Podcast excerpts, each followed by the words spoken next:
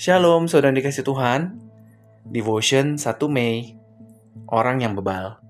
Ayat bacaan diambil dari Amsal 26 ayat 5. Jawablah orang bebal menurut kebodohannya supaya jangan ia menganggap dirinya bijak. Pernah nggak kita ketemu sama orang yang bukan hanya keras kepala, tapi juga keras hati? Nah, berhadapan dengan orang seperti ini, lama-lama kita bakal gemes karena orang seperti ini akan sukar, bahkan nggak mau terima koreksi ataupun, ataupun nasihat. Dalam Alkitab, orang seperti ini dikategorikan bebal. Orang bebal adalah orang yang gak mau dan sulit menerima nasihat atau teguran dari firman Tuhan ataupun dari orang lain. Mereka merasa diri mereka benar, karena itu akan mencari berbagai alasan untuk selalu membela diri, membenarkan diri, dan merasa gak perlu diajar orang lain.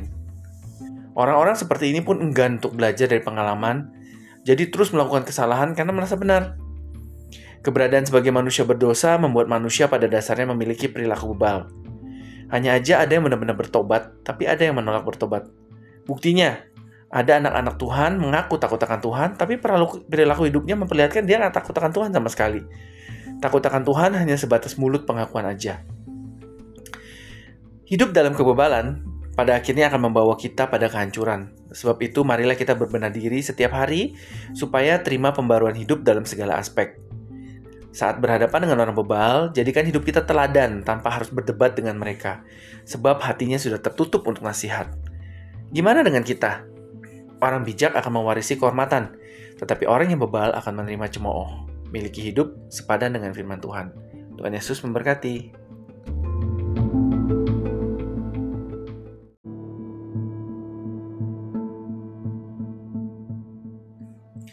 Shalom, brothers and sisters. Devotion 1st of May. Ignorant person. We will be reading from Proverbs chapter 26, verse 5. Answer a fool according to his foolishness, lest he think himself wise.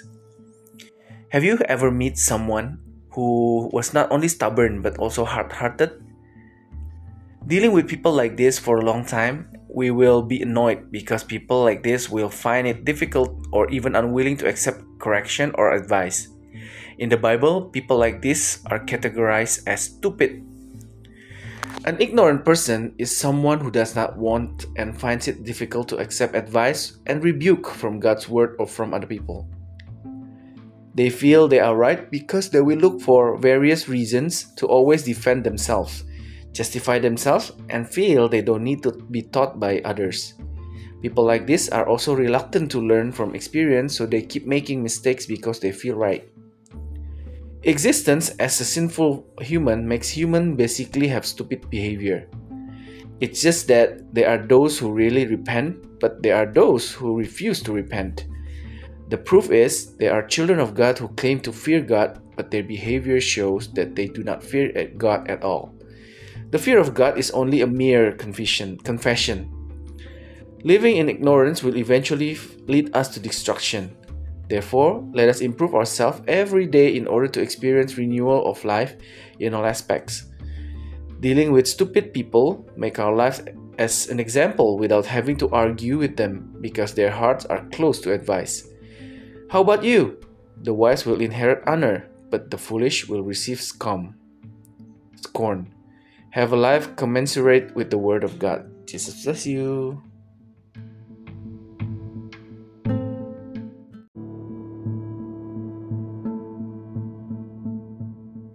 Shalom, saudara yang dikasih Tuhan. Devotion 2 Mei. Tuhan pelihara kita.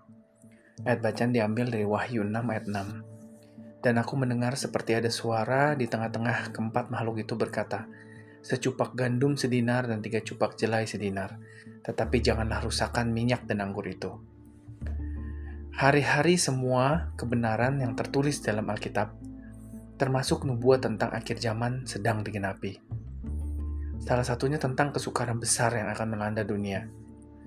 Kita lagi berhadapan dengan krisis ekonomi global. PHK udah mulai terjadi belakangan ini di mana-mana. Jadi banyak orang yang kehilangan sumber penghasilan. Secupak gandum harganya sedinar. Itu bicara tentang satu takaran gandum untuk membuat roti yang yang cuma bisa buat makan sehari. Harganya itu senilai satu hari upah kerja orang-orang Yahudi. Bayangin, upah bekerja sehari cukup makan buat satu hari. Mereka bahkan sampai kasih makan keluarga dengan jelai, bahan makanan bergizi. Uh, itu tinggi harganya. Iya, dunia akan mengalami krisis ekonomi. Pasca pandemi COVID-19 ini, harga kebutuhan pokok kan terus ngelambung, dan banyak orang kesulitan ngedapetin makanan dan mengalami kelaparan. Kesukaran besar masih akan terus terjadi menjelang kedatangan Yesus kedua kali. Tapi anak-anak Tuhan yang hidup taat dan dekat dengan Tuhan akan dipeliharanya. Jangan menjauh dari Tuhan supaya hidup kita tetap terpelihara dengan baik. Masa sukar menjadi pengingat bagi kita bahwa kedatangan Tuhan Yesus sudah dekat. Siapkan diri supaya kita senantiasa berkenan di hadapan Tuhan, pelihara iman apa pun yang menimpa hidup kita supaya saat Tuhan datang kembali, dia mendapati kita hidup layak untuk menerima mahkota kehidupan. Amin. Tuhan Yesus memberkati.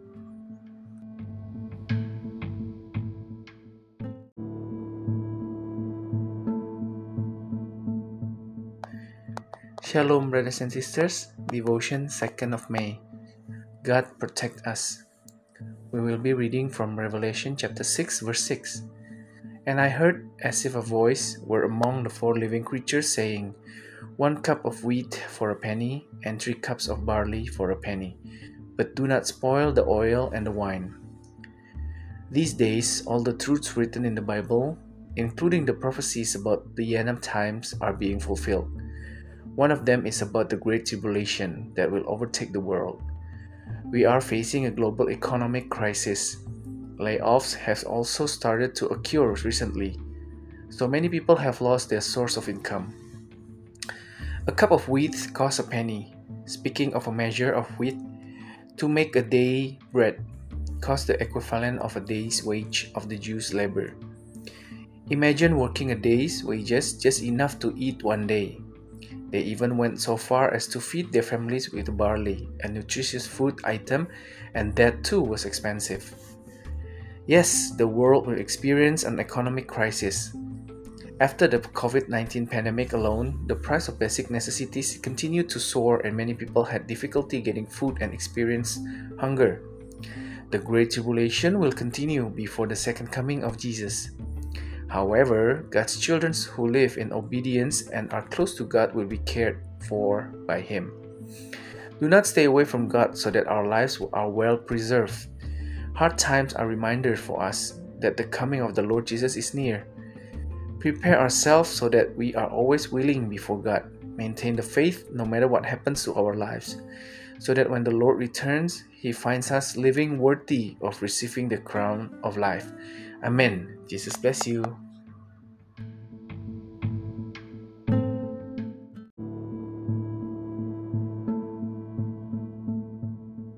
Shalom, saudara yang dikasih Tuhan. Devotion 3 Mei. Bersyukurlah. Ayat bacaan diambil dari Mazmur 136 ayat kedua. Bersyukurlah kepada Allah segala Allah, bahwasanya untuk selama-lamanya kasih setianya. Alkitab puluhan kali mencatat bahwasanya untuk selama-lamanya kasih setianya. Kalau firman Tuhan muncul berulang kali, artinya ada pesan khusus yang disampaikan kepada kita. Tuhan mau kita tahu bahwa kasih setianya berlaku bagi kita untuk selamanya. Kebenaran ini harus kita patrikan di dalam pikiran dan hati kita, bukan aja untuk hari ini, tapi untuk selama-lamanya dan dalam segala musim kehidupan kita. Dengan demikian, kita akan selalu ingat kepada Tuhan dan bersyukur untuk apa pun kenyataan yang kita hadapi. Begitu besar kasih Tuhan dalam hidup kita, Bayangin aja, Tuhan yang menjadiin langit dan bumi begitu sempurna, jadi kita bisa tinggal dengan aman di dalamnya. Tuhan ciptain siang dan malam supaya kita kenal waktu, kapan harus bekerja, kapan harus istirahat. Coba bayangin apa yang terjadi kalau misalkan dalam sehari cuma ada siang atau cuma ada malam. Kita juga diciptakan begitu rupa terlindungi sejak dalam kandungan sampai lahir ke bumi. Makanya dikatakan kejadianku dahsyat dan ajaib udah terlampau banyak kebaikan Tuhan dalam hidup kita sampai hari ini. Kemurahan Tuhan dan mujizatnya mewarnai hidup kita. di masa sukar dia ada bagi kita. Terlebih di masa-masa sekarang, kita berhadapan dengan gejolak hidup yang luar biasa. Tapi kasih Tuhan bagi kita melampaui segalanya. Bersyukurlah kepada Tuhan, jangan pernah berpaling dari iman kepadanya, seperti kasih setia Tuhan selamanya bagi kita. Kasih, kasih Tuhan tak berkesudahan, dia menjamin hidup kita dengan kasih setianya. Sekali lagi, bersyukurlah. Tuhan Yesus memberkati.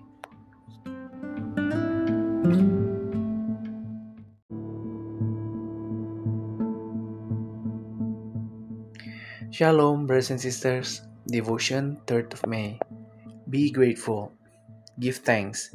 We will be reading from Psalm chapter 136, verse 2. Give thanks to the God of gods, that forever and ever love his faithful. The Bible records dozens of times that his love endures forever. If God's word appears repeatedly, it means that there is a special message conveyed to us. God wants us to know that His faithful love applies to us forever. We must imprint this truth on our minds and hearts not only for today but for eternity and in all seasons of our lives. Thus, we will always remember God and be grateful for whatever reality we face. So great is God's love in our lives. Just imagine, God made the heavens and the earth so perfect that we can live safely in them. He created day and night so that we know the time when to work and when to rest. What would happen if there was only day or night? We are also created in such a way, protected from the time we are in we are, when we are still in the womb until we are born on earth. That's why it is said what happened to me was miraculous. Too much of God's goodness in our lives to this day. God's mercy and miracles also color our lives. In difficult times, He is there for us. Especially in these times, we are dealing with extraordinary life uh, turmoil. But God's love for us transcends all. Give thanks to God. Never turn away from faith in Him, like God's faithful love is forever for us. God's love never ends. He guarantees our lives with His faithful love. Once again, be grateful give thanks. Jesus bless you.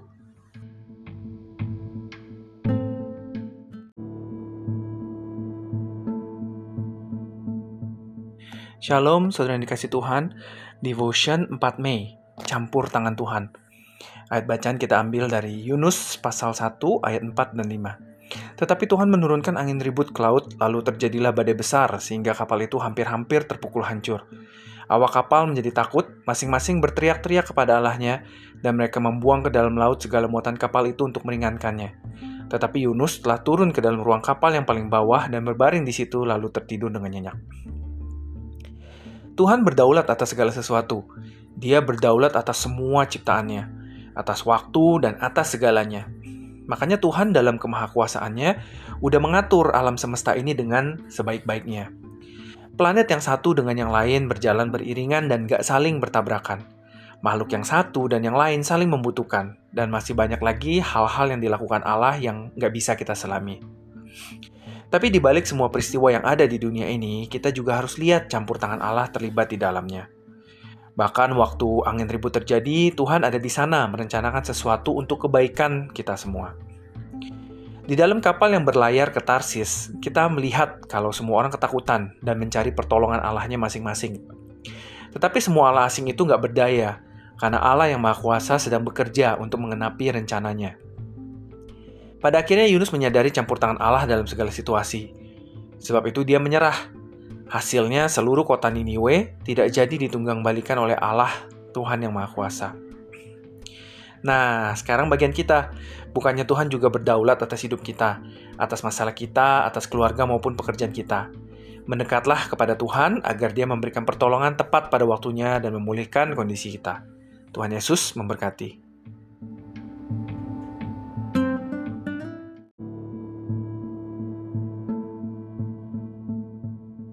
Shalom, brothers and sisters. Devotion 4th of May. God's hands. We will be reading from Jonah chapter 1, verse 4 and 5. But the Lord sent down a great wind over the sea, and there was a great storm. So the ship was almost completely destroyed. The crew of the ship became afraid, each one crying out to his God. And they threw all the ship's load overboard to lighten it.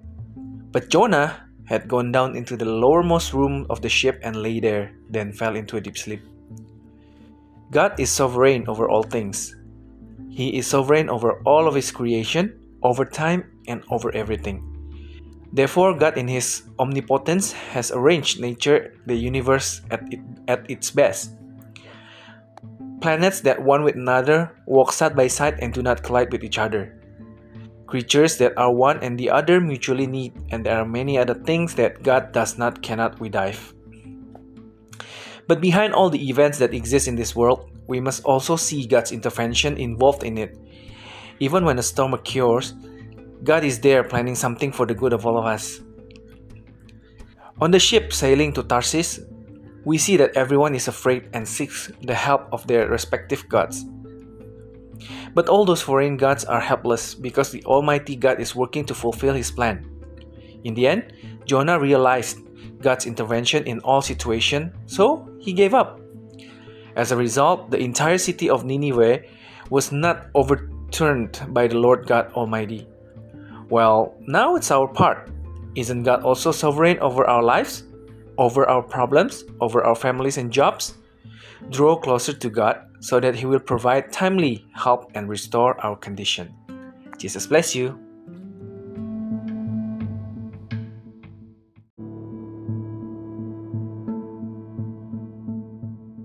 Shalom saudara yang dikasih Tuhan, Devotion 5 Mei. Tuhan akan menyelesaikan. Ayat bacaan diambil dari Mazmur 138 ayat 8. Tuhan akan menyelesaikannya bagiku. Ya Tuhan, kasih setiamu untuk selama-lamanya. Janganlah kau tinggalkan perbuatan tanganmu.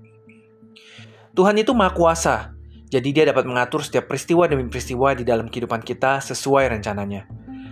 Tapi sering kali kita sulit untuk menerima cara kerja Tuhan yang gak sesuai dengan kenyataan yang kita mau.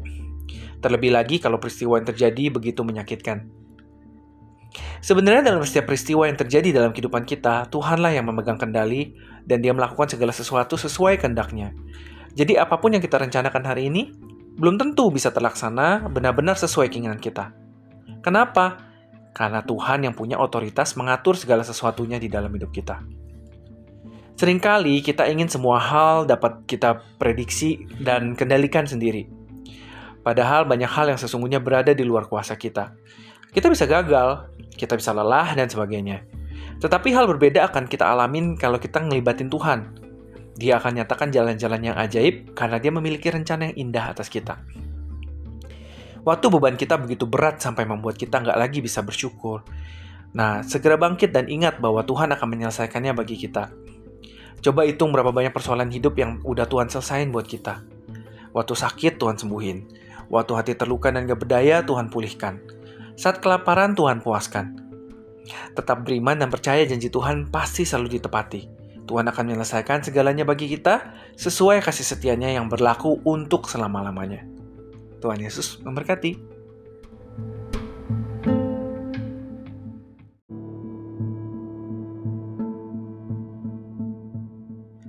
Shalom, brothers and sisters. Devotion 5th of May.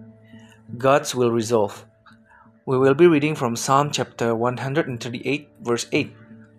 God will work it out for me. O Lord, your steadfast love endures forever. Forever do not abandon the work of your hands.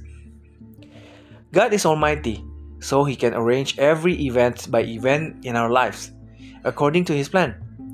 But often it is difficult for us to accept God's way of working that does not match the reality we want especially when the events are that occur are so painful.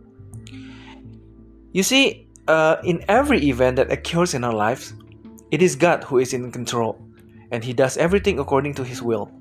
So whatever we we plan today, it may not be implemented exactly as we wish. Why is that? Because God has authority to arrange everything in our life. Often we wish we could predict and control all of these things ourselves. In fact, many things are actually beyond our power. We can fail, we can get tired, and so on.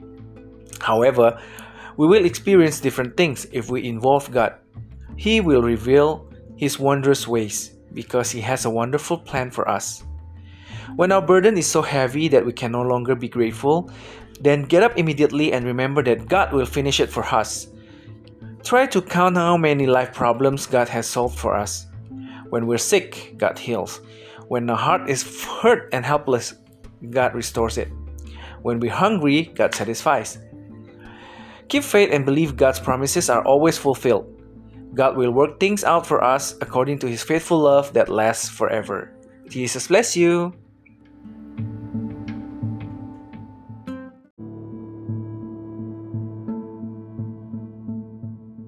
Shalom saudara dikasih Tuhan, Devotion 6 Mei.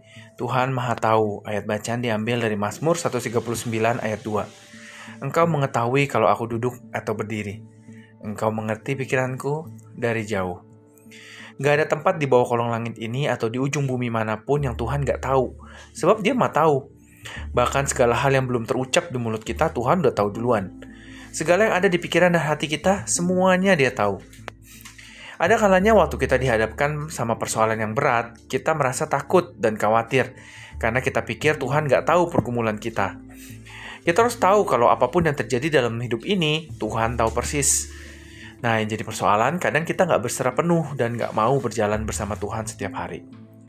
Kalau kita sadar Tuhan tahu segala sesuatu dalam hidup ini, nggak perlu takut sama orang yang merancangkan hal yang jahat sama kita.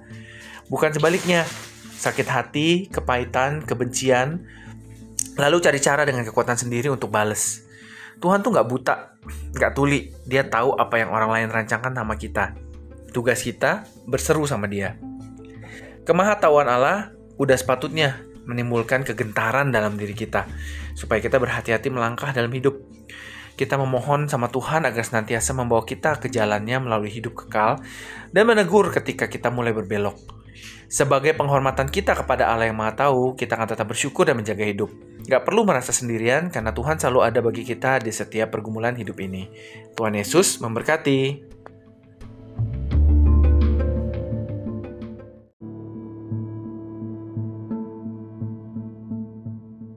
Shalom, brothers and sisters. Devotion 6 of May.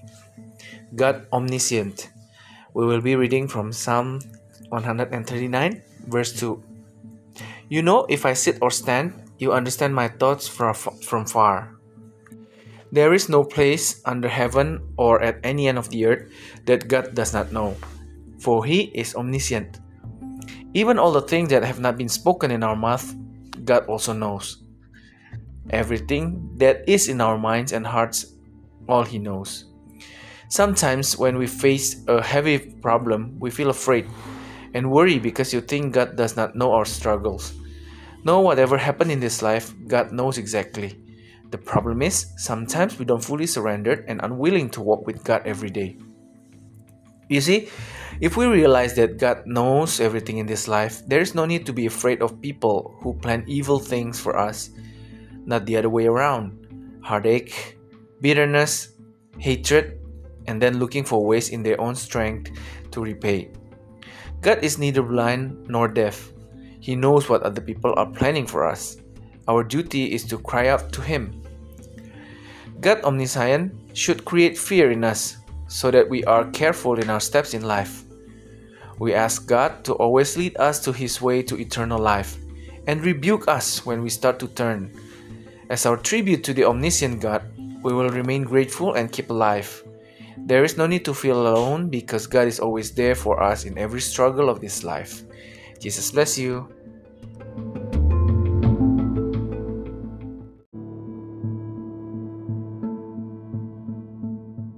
Shalom saudara dikasih Tuhan, Devotion 7 Mei, Peperangan dengan Antikristus. Ayat bacaan diambil dari Wahyu 13 ayat 16.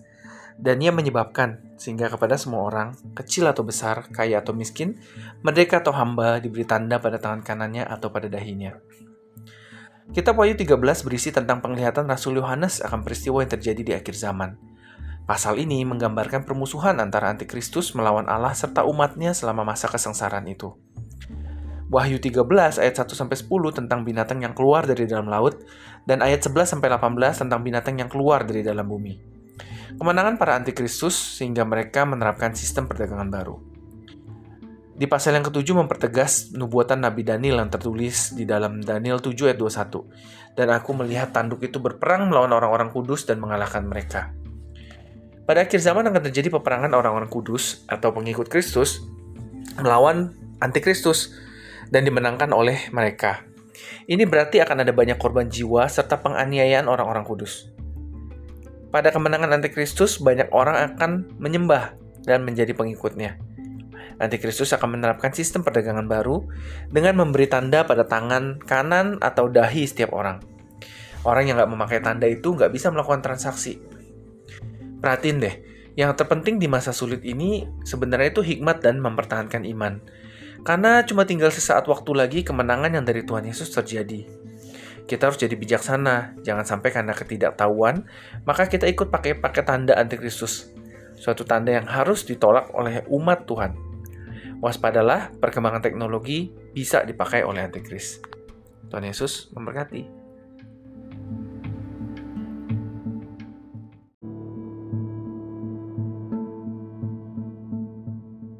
Shalom, brothers and sisters. Devotion 7th of May War with the Antichrist. We will be reading from Revelation chapter 13, verse 16. And he caused everyone, small or large, rich or poor, free or slave, to be given a mark on their right hand or on their foreheads. The book of Revelation 13 contains the Apostle John's vision of events that will occur in the end times. This chapter describes the enmity between the Antichrist and God and his people during the tribulation. Revelation 13, verse 1 to 10, about the beast coming out of the sea, and verses 11 to 18 about the beast coming out of the earth. The victory of the Antichrist, so they implement a new trading system. Revelation 13 chapters chapter 13 verse 7 confirms the prophecy of the prophet Daniel which is written in Daniel 7 verse 21. And I saw the horn making war against the stains and overcoming them. You see at the end of time there will be a war between the saints or follower of Christ and the antichrist and they will win it. This means there will be a great loss of life as well as persecution of saints. At the victory of the Antichrist, many people will worship and become his followers. The Antichrist will implement a new trading system by placing a mark on each person's hand or forehead. People who do not wear the sign cannot make transactions. Take a note the most important thing in this time of trouble is wisdom and keeping the faith, because only a moment is left for the victory of the Lord Jesus to occur. Be wise, don't let it be because of ignorance that we take part in wearing the sign of the Antichrist, a sign that God's people must reject. Be aware of technology development because it can be used by the Antichrist. Jesus bless you.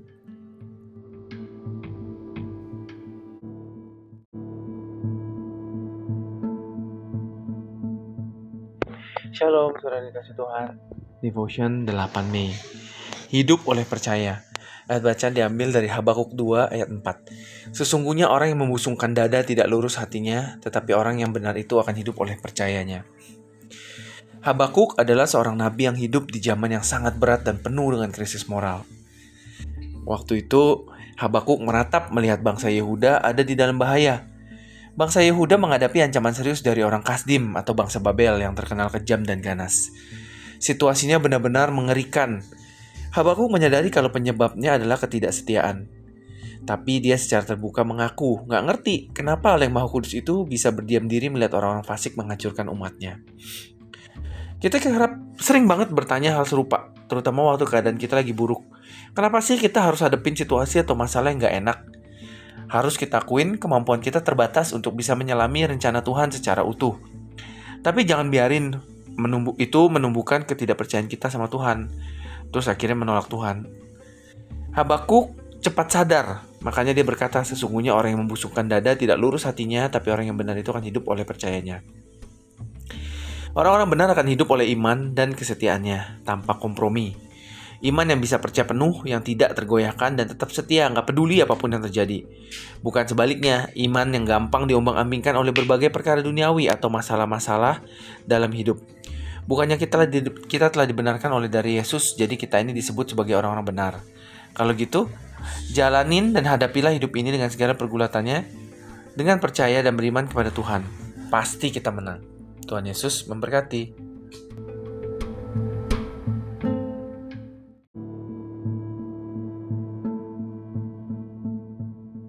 Shalom, brothers and sisters. Devotion 8th of May. Live by believing. We will be reading from Habakkuk 2, verse 4. In fact, people who puff out their chests are not straight in heart, but people, the righteous, will live by believing. Habakkuk is a prophet who lived in a very difficult era full of moral crisis. At that time, Habakkuk wailed to see the nation of Judah in danger. The nation of Judah faced a serious threat from the Chaldeans or Babylonians, who were notorious and ferocious. The situation was truly dire.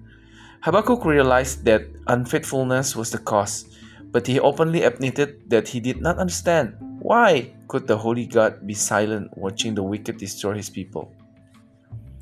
We often ask the, same, the same thing, especially when we are in a bad situation. Why do we have to face unpleasant situations or problems? We must admit our ability is limited to be able to fully explore God's plan, but don't let that grow our disbelief in God, then reject Him. Habakkuk realized this quickly, so he said, Indeed, the one who puffs out their chest is not uh, straight in heart, but the one who is righteous will be live by his belief. The righteous will live by their faith and faithfulness without compromise, a faith that can truly trust, that is unshakable and remains faithful no matter what. Not the other way around, faith that is easily swayed by various worldly matters or problems in life. Haven't we been justified by the blood of Jesus so that we are called righteous people? If so, live and face this life with all its struggle by believing and having faith in God. I'm sure we will win. Jesus bless you.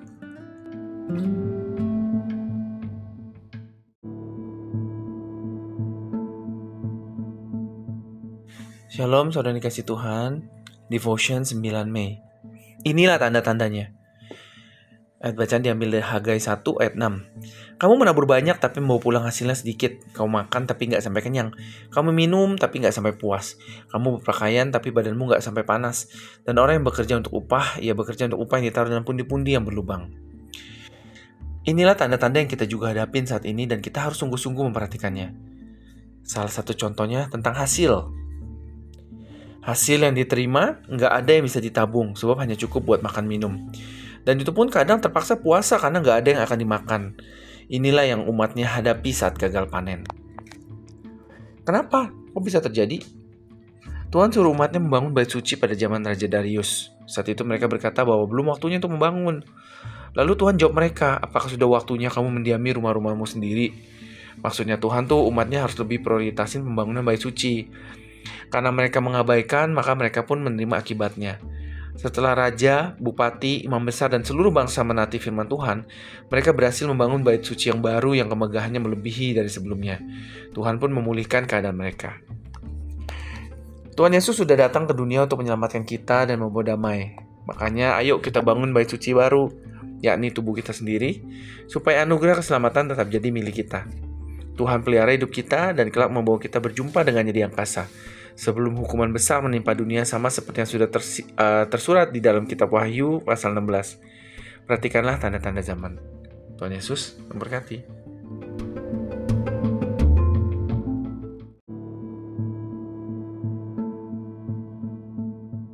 Shalom brothers and sisters. Devotion 9th of May. These are the signs. We will be reading from Haggai chapter 1 verse 6. You sow much but bring back little. You eat but not until you are full. You drink but you are not satisfied. You are clothed but your body is not warm. And people who work for wages, they work for wages that are put in the coffer with holes.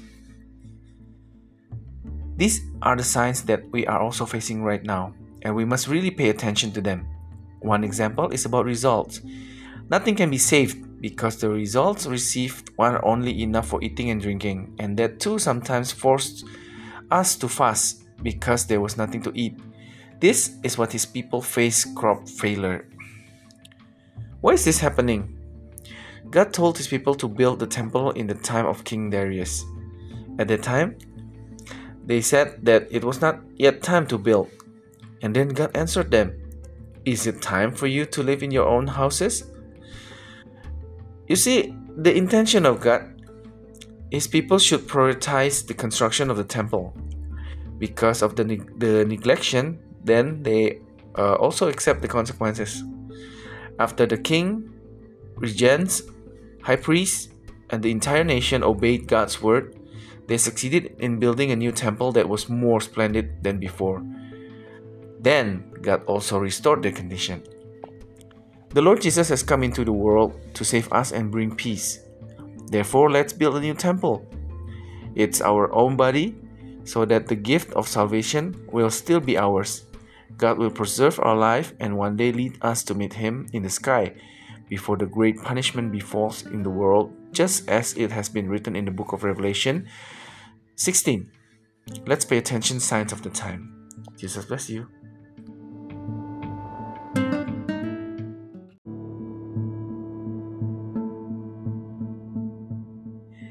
Shalom, saudara yang dikasih Tuhan, Devotion 10 Mei.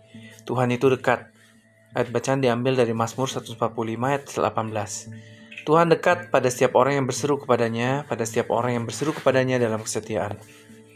Kita mungkin pernah ya dengar pernyataan kalau Tuhan itu jauhnya cuma sebatas doa. Kalimat ini mengingatkan dan mengatakan kepada kita kalau betapa Tuhan itu sangat dekat sama kita. Kalau kita lagi bergulat dengan masalah hidup di dalam dunia ini, Ayo berseru sama Tuhan melalui doa. Kita mohon pertolongan kepada Tuhan. Pertanyaannya, udah belum kita rajin doa sama Tuhan? Firman Tuhan menegaskan, Tuhan dekat pada setiap orang yang berseru kepadanya, yang berseru kepadanya dalam kesetiaan. Lewat firman ini, Tuhan mau supaya orang-orang yang takut akan dia berseru dan dia mendengarkan seruan kita meminta tolong, lalu menyelamatkan kita. Kasihnya kekal selamanya dan tidak pernah berkesudahan. Jangan pernah lupa, Selama Tuhan dekat, nggak ada yang perlu ditakutkan dan dikhawatirkan. Tuhan yang sangat dekat itu akan memelihara hidup kita. Dia akan mencukupkan dan akan merangkai masa depan kita. Masa depan yang penuh harapan. Jadi kita nggak boleh putus asa atau merasa Tuhan udah jauh dan nggak dengar seruan kita minta tolong. Kalau Tuhan seakan memperlambat pertolongannya, hal itu dia lakukan untuk melihat kesetiaan dan ketekunan kita. Waktu kita setia, maka pertolongannya akan datang tepat pada waktunya. Tuhan itu dekat. Makanya jangan pernah menjauh, berserulah kepadanya dalam kesetiaan. Berusahalah untuk selalu dekat dengan Tuhan agar kita selalu mendapatkan pertolongan dan semakin diberkati. Tuhan Yesus memberkati.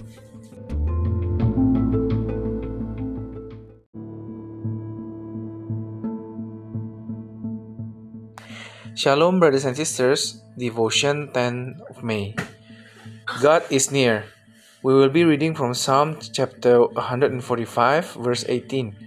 The Lord is close to everyone who calls on him, to everyone who cry out to him in faithfulness. We may have heard the statement that God is afar as only as a prayer. This sentence tells us how close God is to us. If we are struggling with the problems of living in this world, then cry out to God through prayer. We ask Him for help. The question is Have we diligently prayed to God?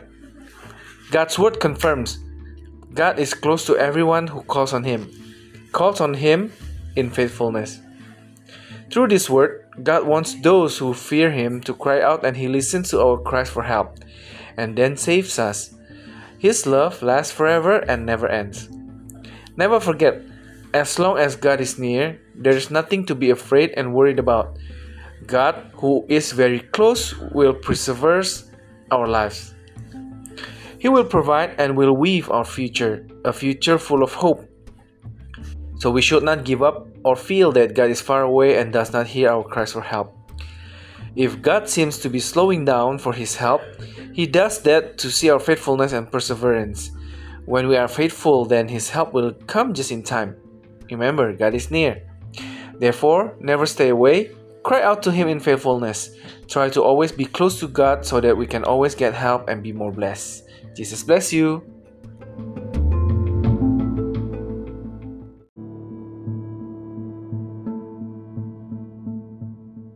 Shalom saudara yang dikasih Tuhan Devotion 11 Mei Muliakan Tuhan Ayat bacaan diambil dari Mazmur 146 ayat 2 Aku hendak memuliakan Tuhan selama aku hidup dan bermasmur bagi Allahku selagi aku ada. Perjalanan hidup kita dipenuhi dengan berbagai proses dari Tuhan, dan itu harus kita hadapi. Karena kalau kita tetap setia ngelewatin proses dari Tuhan, hidup kita bakal dibawa semakin naik lagi. Naik yang dimaksud itu dalam konteks ini itu adalah kedewasaan pribadi dan secara kerohanian. Bahkan bonusnya kita mengalami berkat dan promosi yang baru di semua area hidup yang Tuhan percayakan sama kita. Tapi kita jangan lupa juga ada bagian penting yang harus tetap kita jaga di dalam hidup ini. Ayo apa? Pemasmur berkata, Aku hendak memuliakan Tuhan selama aku hidup dan bermasmur bagi Allahku selagi aku ada. Firman ini menegaskan bagian kita untuk terus memuliakan Tuhan. Kebenaran ini mutlak dan gak boleh tergantikan. Kita harus tetap memuliakan Tuhan dan bermasmur bagi dia. Perwujudannya adalah kita naikkan ucapan syukur kepada Tuhan atas semuanya yang ada di dalam hidup kita. Kehidupan kita mungkin ada fase naik dan turun, tapi jangan kendor untuk memuji Tuhan dan yang terutama hati kita tetap tertuju sama Tuhan. Terus ingat, dalam setiap proses yang kita jalanin, pastikan kita melakukan bagian kita dengan senantiasa mempermuliakan nama Tuhan pekerjaan, bisnis, dan apa pun yang bisa kita dapetin, itu bukan untuk kita bermegah diri, melainkan kita harus kembalikan untuk hormat dan kemuliaan sama Tuhan. Jangan curi kemuliaan Tuhan, tapi mari kita terus memuliakan Dia. Tuhan Yesus memberkati.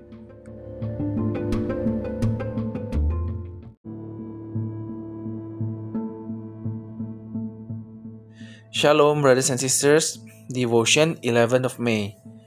Glorify God. We will be reading from Psalm chapter 146, verse 2. I will glorify the God while I live, and sing praises to my God while I'm around. Our life journey is filled with various processes from God, and we must face them. Because if we remain faithful through the process of it, our lives will be brought up even more. Up is meant in this context is personal and spiritual maturity. Even the bonus is that we experience new blessings and promotions in all areas of life that God has entrusted to us. But we don't forget either. There are more important parts that we must keep in this life. What is that? The psalmist says, I will glorify the Lord as long as I live and sing praises to my God while I exist. This word confirms our part to continue to glorify God. This truth is absolute and cannot be replaced. We must continue to glorify God and sing praises to Him. The realization is that we give thanks to God for everything that is in our life. Our life may have phases of ups and downs, but don't slack off to praise God and most importantly, keep our heart fixed on Him. And then remember, in every process that we go through, make sure that we do our part by always glorifying the name of God. Jobs, businesses, and whatever we can get, it's not for us to boast about, but we must return it for the honor and glory to God. Don't steal the glory of God, but let us continue to glorify Him. Jesus bless you.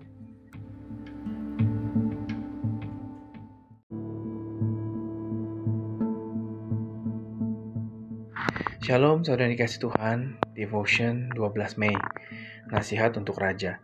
Ayat bacaan diambil dari Amsal 31 ayat 9. Bukalah mulutmu, ambillah keputusan secara adil, dan berikanlah kepada yang tertindas dan yang miskin hak mereka. Amsal yang barusan kita baca berisi tentang nasihat yang diberikan seorang ibu kepada seorang raja. Mungkin kita ngomong dalam hati, aku kan bukan raja, gimana ini bisa uh, membantu aku? Kita mungkin aja bukan raja seperti waktu masa itu, tapi kita adalah pemimpin-pemimpin di masa sekarang. Maka nasihat-nasihat ini pun sangat berguna bagi kita, terutama buat kita yang ada dalam posisi yang dipercayakan sebagai pemimpin. Nasihat yang pertama, setiap kita diberikan kekuatan dan pengurapan untuk tugas kita. Jangan sia-siakan kekuatan yang Tuhan kasih buat orang-orang yang akhirnya akan menghancurkan kekuatan dan pengurapan dalam hidup kita. Nasihat yang kedua, jangan mabuk atas apa yang dia tawarkan sama dunia. Karena waktu kita mabuk, kemabukan itu akan menyebabkan kita melupakan apa yang adil dan benar. Dan kita akan lupa terhadap hak-hak dari mereka yang ada di bawah dan yang lemah, yaitu orang-orang yang sebenarnya dipercayakan untuk bergantung kepada kepemimpinan kita. Nasihat yang ketiga, apabila kita punya sesuatu yang lebih, itu nggak cuma buat diri kita sendiri, tapi untuk kita bagikan kepada mereka yang susah. Jadi mereka pun bisa mengalami kebahagiaan. Yang keempat, jadi suara bagi mereka yang lemah dan yang gak punya kekuatan untuk bicara, dan jadi pembela dari mereka yang merana. Nasihat yang kelima, jadilah pemimpin yang adil yang, bi yang bisa membuat keputusan untuk kepentingan mereka yang miskin dan menjadi penolong bagi yang membutuhkan keadilan. Selamat menjadi pemimpin-pemimpin yang hebat. Yesus memberkati.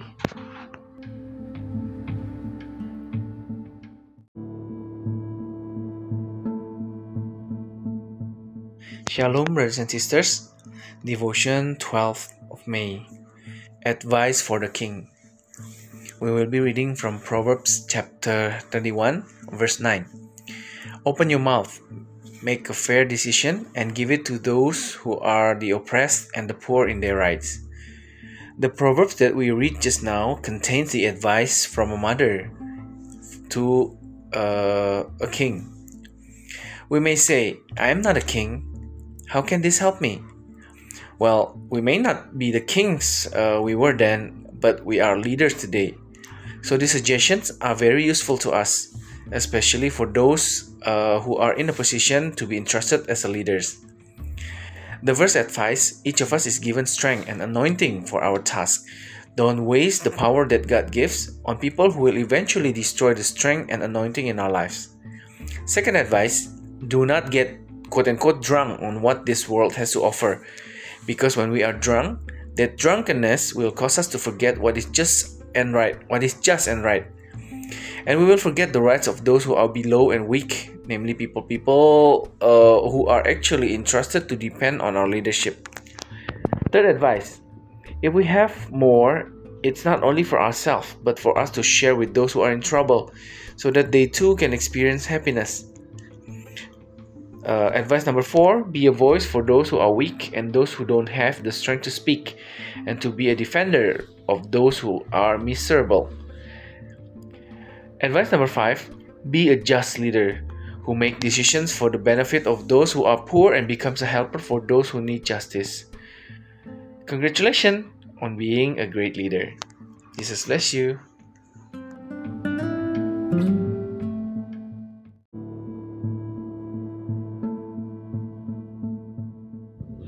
Saudara yang dikasih Tuhan. Devotion 13 Mei. Berbuat baik. Ayat bacaan diambil dari Amsal 31 ayat 12. Ia berbuat baik kepada suaminya dan tidak berbuat jahat sepanjang umurnya. Setiap wanita yang udah masuk dalam pernikahan, terutama para wanitanya Allah, harus melakukan tanggung jawabnya sebagaimana tertulis di dalam Alkitab. Nah, kitab Amsal ini mengajar dan meneguhkan wanita agar menjadi bijak dalam panggilannya untuk melayani, baik buat suami ataupun keluarganya. Tapi tanpa membedakan gender, baik wanita ataupun pria, sebenarnya sebagai orang bijak, kita akan selalu berusaha melakukan yang terbaik. Dalam menjalani pernikahan, ada banyak hal yang mungkin gak sesuai keinginan hati kita. Ada rasa kecewa, sakit hati, kadang-kadang egoisme, nah, bisa jebak kita untuk nggak melakukan yang baik. Nah, dengan berpijak sama ayat yang kita baca barusan mengatakan tidak berbuat jahat sepanjang hidupnya, Artinya kapan pun dan apa pun keadaan yang terjadi seharusnya nggak mengubah kondisi hati dan perasaan kita untuk selalu melakukan yang terbaik sepanjang hidup. Semuanya itu kita lakukan atas dasar kasih. Karena kalau kasih menghuni hati kita, otomatis berkorban untuk melakukan hal yang baik bukan hal yang sulit untuk dilakukan. Nah, jadi gimana caranya supaya bisa melakukan hal yang baik? Selalu melakukan yang baik. Nah, ingat selalu akan kebaikan Tuhan sama kita itu akan membuat kita mampu menyalurkan kebaikan terhadap orang yang kita kasihi. Semakin besar kasih Tuhan yang kita terima, maka semakin besar pula kasih yang dapat kita bagikan. Kasih Tuhan tanpa syarat, jadi seharusnya kita juga ngelakuin hal yang sama. Membagikan kasih Tuhan dalam diri kita buat orang yang kita kasihi dan yang Tuhan taruh dalam hidup kita. Tuhan Yesus memberkati.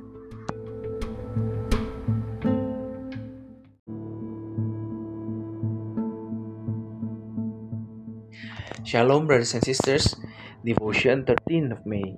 Doing good. We will be reading from Proverbs chapter 31, verse 12. She did good to her husband and did nothing bad all her life. Every woman who has entered into marriage, especially God's woman, must carry out their responsibilities as written in the Bible. The book of Proverbs teaches and strengthens women to be wise in their calling, to serve both either their husband or and their families. But regardless of gender, both women and men, as wise people, we will always try to do our best. In going through marriage, there are many things that may not be um, the same according to our heart desire. Feeling of uh, disappointment, hurt, selfishness can sometimes trap us for not doing good. Based on today's uh, verse, which says, Don't do evil or your life, meaning whenever and whatever circumstances happen, it shouldn't change the condition of our hearts and feelings to always do our best throughout life. All of this is done uh, out of love because if love inhabits our hearts, automatically making sacrifice to do good things is not a difficult thing to do. So, how do you always do good? Always remember God's goodness to us. That will make us able to channel kindness towards those we love. The greater God's love we receive, the greater the love we can share. God's love is unconditional, so we should do also the same. Share God's love within us to the people we love and whom God has placed in our life. Jesus bless you.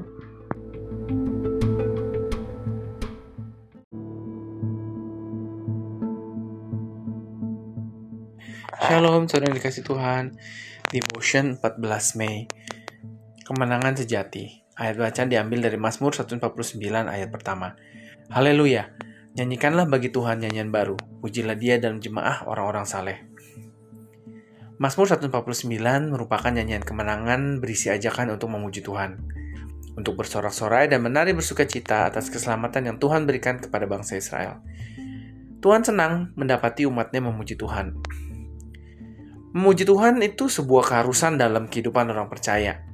Kita melakukan ini bukan karena hanya sekedar untuk menyenangkan hati Tuhan, tapi juga mengajar kita untuk merendahkan diri di hadapannya dan mendapatkan kekuatan serta jiwa yang disegarkan. Waktu kita memuji Tuhan, berarti kita sedang mengakui kebesarannya dalam kehidupan kita. Menaikkan pujian bagi Tuhan dalam segala keadaan dan musim hidup merupakan kemenangan bagi orang percaya. Dengan puji-pujian kita juga belajar untuk memerangi kuasa gelap dan menyatakan kerajaan Allah ada di dalam kita. Kalau Tuhan senang kita menyanyi bagi dia, maka seharusnya kita juga suka memuji Tuhan Terlebih lagi karena begitu banyak kemenangan yang udah Tuhan kasih dalam hidup kita. Dan hal yang gak kalah penting juga kita lakukan secara konsisten selain menaikkan pujian bagi Tuhan adalah menjadikan hidup kita sebagai orang yang saleh. Pertahankan iman kita, jaga hubungan dengan Tuhan, dan jauhkan cemar dosa, serta hidup kudus dalam seluruh aspek hidup kita. Ingat, pada saat orang percaya menyanyikan nyanyian baru, bersemangat memerangi kuasa kegelapan, dan menjadikan hidup sebagai senjata kebenaran, maka kemenangan demi kemenangan akan Tuhan karuniakan bagi kita sekarang, di masa mendatang, dan untuk selama-lamanya. Haleluya. Tuhan Yesus memberkati.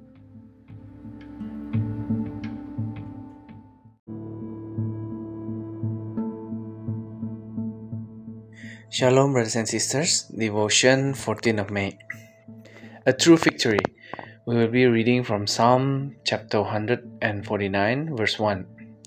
Hallelujah! Sing to God a new song. Praise Him in the congregation of the godly men. Psalm 149 is a song of victory, containing an invitation to praise God, shouting and dancing in joy for the salvation that God has given to the Israelites. God loves to find His people praising God. Praising God is a must in the life of a believer. We do this not solely to please God, but also to teach us to humble ourselves before Him and get strength and a refreshed soul. When we praise God, it means we are acknowledging His greatness in our lives. Raising praise to God in all circumstances and seasons of life is a victory for believers. With praise, we also learn to fight against dark powers and declare the kingdom of God within us. If God likes us to sing to Him, then we should also like to praise God. What's more, there are so many victories that God has given in our lives. And the thing that is no less important for us to do consistently beside giving praise is to make our lives as godly people. Maintain our faith, maintain a relationship with God, and keep away from the contamination of sin and live a holy life in all aspects of our life. Keep in mind, when believers sing new songs, are passionate about fighting the powers of darkness and make our lives as weapons of truth, then victory, another victory will God bestows upon us now, in the future, and forever. Hallelujah. Jesus bless you.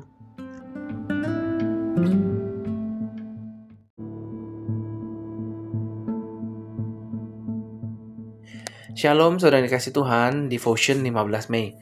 Pengendalian diri. Ayat bacaan diambil dari kejadian 3 ayat 6. Perempuan itu melihat bahwa buah pohon itu baik untuk dimakan dan sedap kelihatannya. Lagi pula pohon itu menarik hati karena memberi pengertian. Lalu ia mengambil dari buahnya dan dimakannya dan diberikannya juga kepada suami yang bersama-sama dengan dia dan suaminya pun memakannya. Sejak awal Tuhan menciptakan manusia pertama, Adam dan Hawa, lalu menempatkannya di Taman Eden, mereka udah dikasih aturan yang sangat jelas. Di antaranya, nggak boleh makan buah dari pohon pengetahuan tentang yang baik dan jahat. Sayangnya, mendengar perkataan muluk-muluk dari si ular, dan buah itu sendiri emang kelihatan menarik serta sedap untuk dimakan, maka Hawa nggak bisa lagi menahan diri. Dia makan buah itu, kemudian kasih ke Adam, dan hasilnya mereka jatuh ke dalam dosa dan menanggung konsekuensinya. Banyak hal di dunia yang bisa menyeret kita dalam berbagai kesalahan atau pelanggaran waktu kita nggak mampu mengendalikan diri. Soal keinginan mata, banyak orang terjerat utang kartu kredit dan pinjaman online karena memaksakan diri mendapatkan apa yang diinginkan. Padahal secara finansial mereka sebenarnya memang nggak mampu. Ada juga orang-orang yang ketika dengar suatu berita atau informasi, cepat bertindak tanpa terlebih dahulu menyaring, menalar, atau memastikan kebenarannya. Akibatnya mereka terjerumus dalam berbagai kesalahan. Penguasaan diri adalah bagian dari buah roh yang mesti dimiliki oleh anak-anak Tuhan. Itu ada di Galatia 5 ayat 23. Jadi kuasai diri kita di dalam segala hal termasuk kendalikan diri terhadap keinginan mata Kendalikan diri kita waktu kita dengar sesuatu, dan dengan begitu kita akan luput dari sebuah kesalahan dan konsekuensinya. Tuhan Yesus memberkati.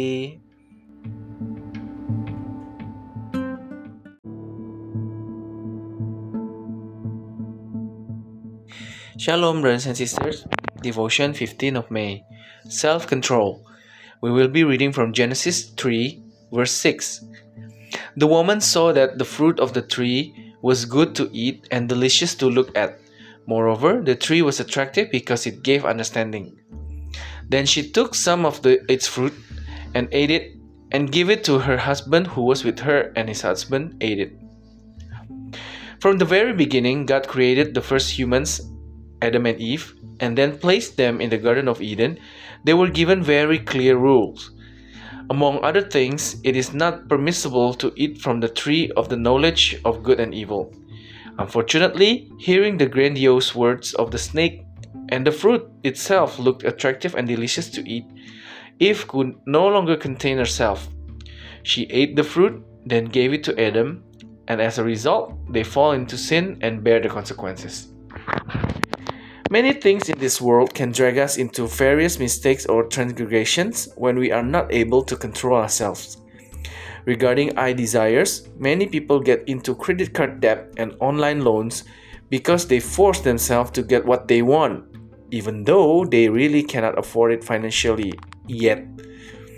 There are also people who, when they hear news and information, quickly to act without filtering, reasoning, or uh, ascertaining to its truth. As a result, they fall into various mistakes and various troubles. Self mastery is part of the fruit of the Spirit that God's children must have. We can read it from Galatians uh, chapter 5, verse 23. So, master ourselves in all things, including self control over the desires of the eyes. Control ourselves when we are hearing something, and that way we will escape from a mistake and its consequences. Jesus bless you.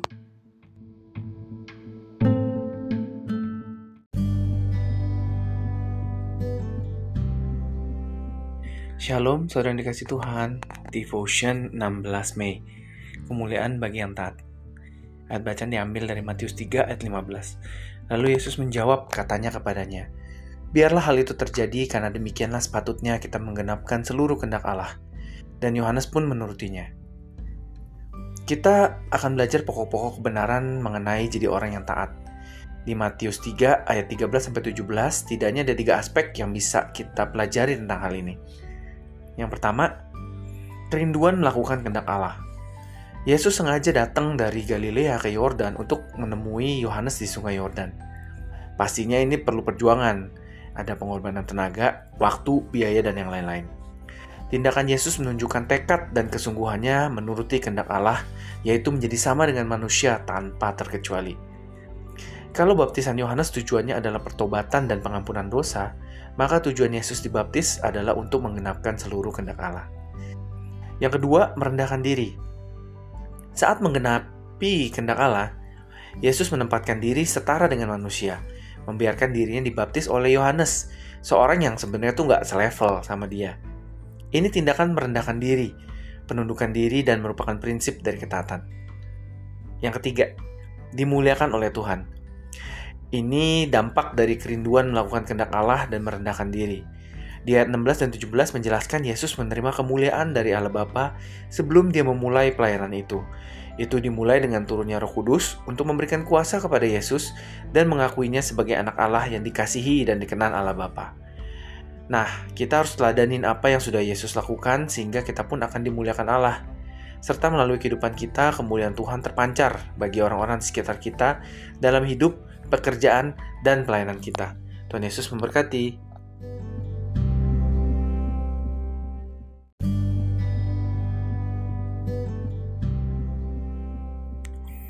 Shalom, brothers and sisters. Devotion 16 of May. Glory to the one who obey. We will be reading from Matthew chapter 3 verse 15.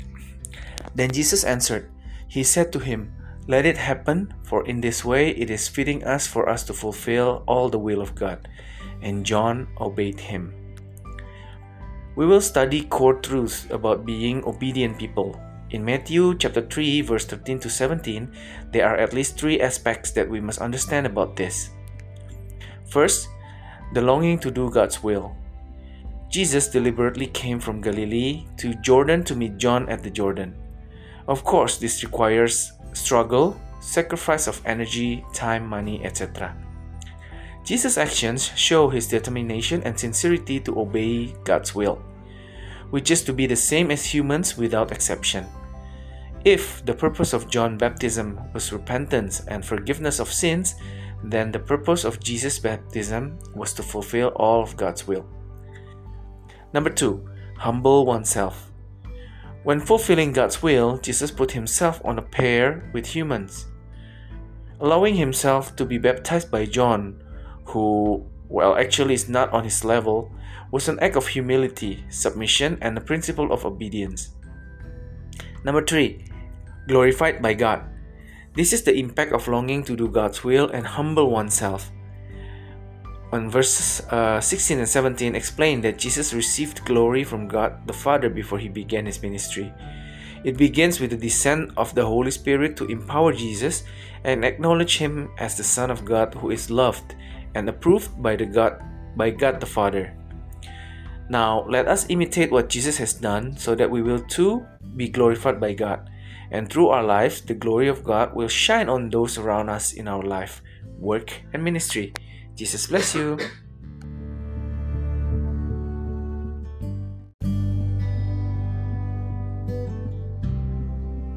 Shalom, saudara yang dikasih Tuhan. Devotion 17 Mei. Bertobatlah.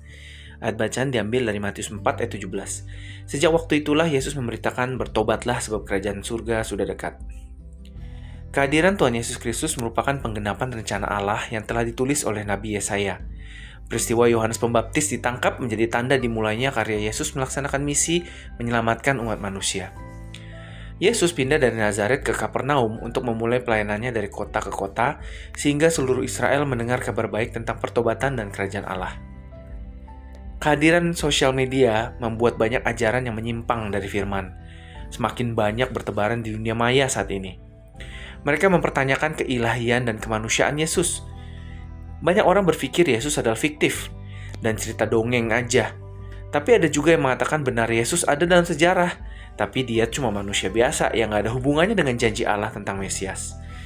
Nah, semua ajaran itu salah. Yesus 100% Allah dan 100% manusia. Yesus adalah firman Allah yang menjelma jadi manusia. Ia datang ke dunia untuk mengenapi janji Allah tentang Mesias yang datang menyelamatkan manusia berdosa untuk dikembalikan pada rencana Allah agar kita beroleh kehidupan kekal di surga. Terus apa yang harus kita lakukan setelah kita paham tentang kebenaran ini? Kita harus bertobat dan percaya kepada Yesus dan firman-Nya sebab kerajaan Allah sudah dekat. Pertobatan merupakan gabungan dari sikap batin yang membangun niat berbalik dari dosa sekaligus perwujudan konkret dari sikap penyesalan diri. Pesan Tuhan Yesus pada kita saat ini sama seperti pesannya pada para pendengarnya pada saat itu. Bertobatlah, sebab kerajaan surga sudah dekat. Tuhan Yesus memberkati.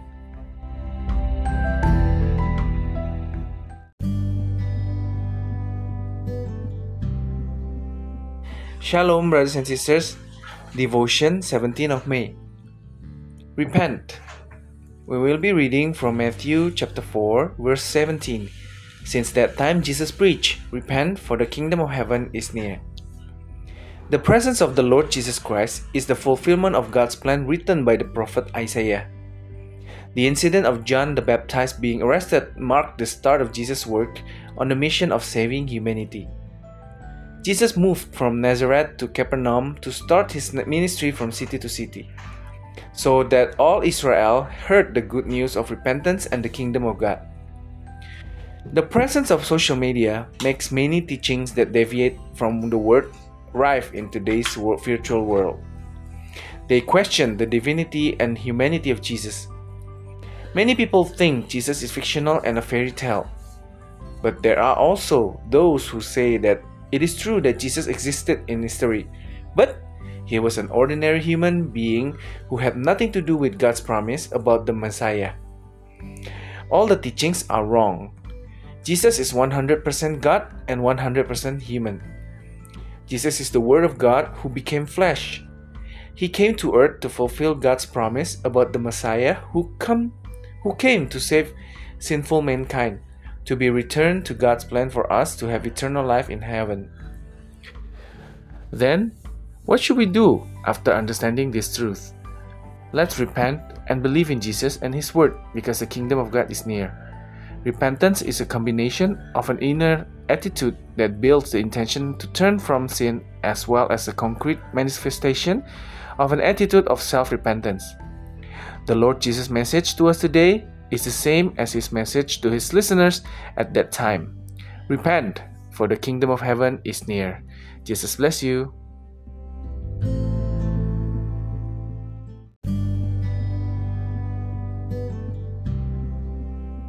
Shalom, saudara dikasih Tuhan.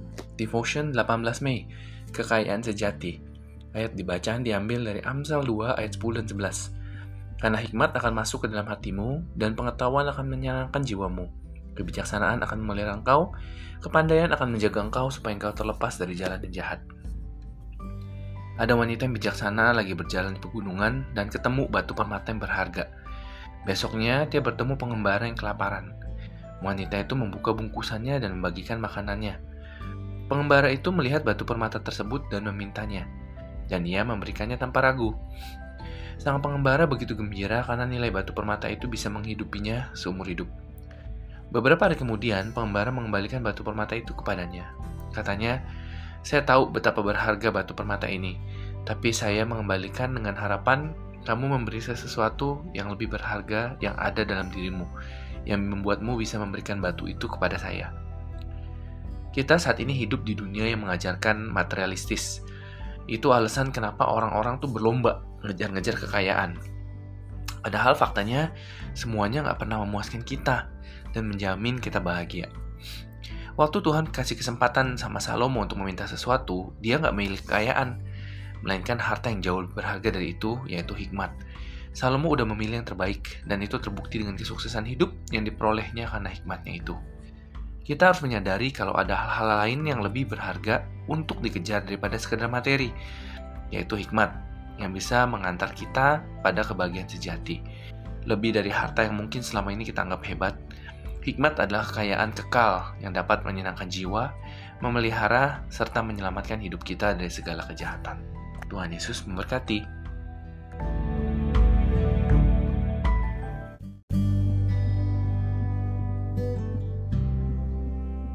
Shalom, brothers and sisters. Devotion 18th of May. True wealth. We will be reading from Proverbs 2, verse 10 and 11. For wisdom will enter your heart, and knowledge will delight your soul. Wisdom will keep you, intelligence will keep you from evil paths. A wise woman was walking in the mountains and found a precious gemstone. The next day, she met a hungry wanderer. The woman unwrapped her bag and distributed the food. The traveler saw the gemstone and asked for it, and she gave it without hesitation. The traveler was so happy because the value of the gemstone could last him a lifetime. A few days later, the uh, wanderer returned the gemstone to her. He said, I know how precious this gemstone is, but I am returning it in hope that you will give me something even more precious that you have within you, which allows you to give it to me. We live in a world that teaches materialism. That is the reason why people race after wealth, whereas in fact, all of that never satisfies us and guarantees us happiness. When God gave Solomon the opportunity to ask for something, he did not choose wealth, but a much more valuable treasure than that, namely wisdom. Solomon had chosen the best, and it was proven by the success in life that he got because of his wisdom.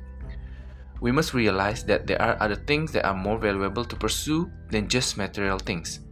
Wisdom, which, lead, can, which can lead us to true happiness. More than the treasures that we may have considered great, wisdom is eternal wealth that can please the soul, preserve and save our lives from all evil. Jesus bless you.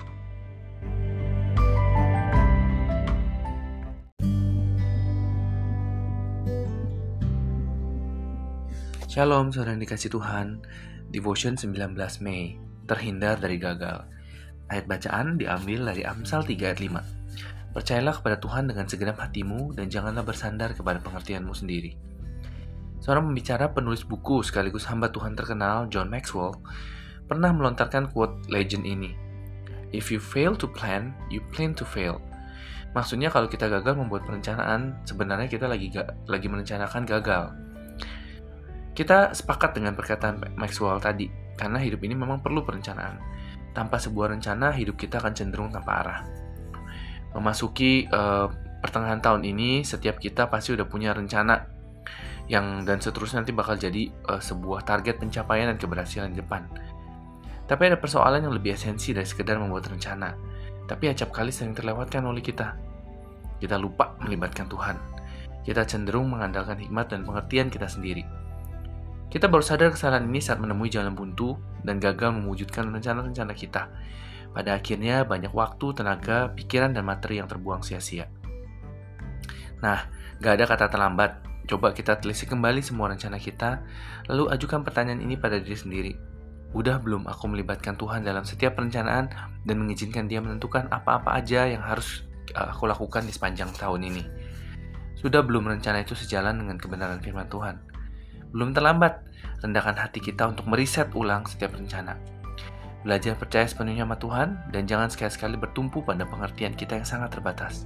Ada tertulis, diberkatilah orang yang mengandalkan Tuhan, yang menaruh harapannya kepada Tuhan. Hidupnya pasti berhasil dan beruntung. Tuhan Yesus memberkati.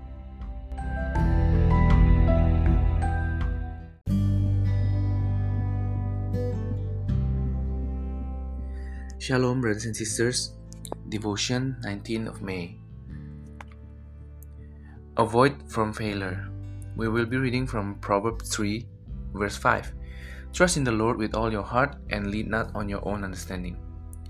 A speaker, a book author, and a well known servant of God, John Maxwell, once said this uh, legend quote, legendary quote If you fail to plan, you plan to fail. Yes, it's simple as it's said. We certainly agree with Maxwell's word, words because life does need does need planning. Without a plan, our life tend to be directionless. In the middle of a mid-year right now, each of us must already have many plans and so on for future achievement and successes. But there are issues that are more essential than just making plans, which uh, we often overlook. We forget to involve God. We tend to rely on our own wisdom and understanding. We only realize this mistake when we hit a dead end and fail to realize our plans. In the end, a lot of time, energy, thoughts, and materials are wasted. Well, there's uh, never too late. Try to review all our plans, then ask yourself this question Have I involved have I involved God in every plan and allowed Him to determine what to do this uh, year? Has the plan been in line with the truth of God's Word? It's not too late. Humble our hearts to reset every plan. Learn to fully trust God and never rely on our very limited understanding. There's a written Blessed are those who rely on God, who put their hope in God. His life must be successful and lucky. Jesus bless you.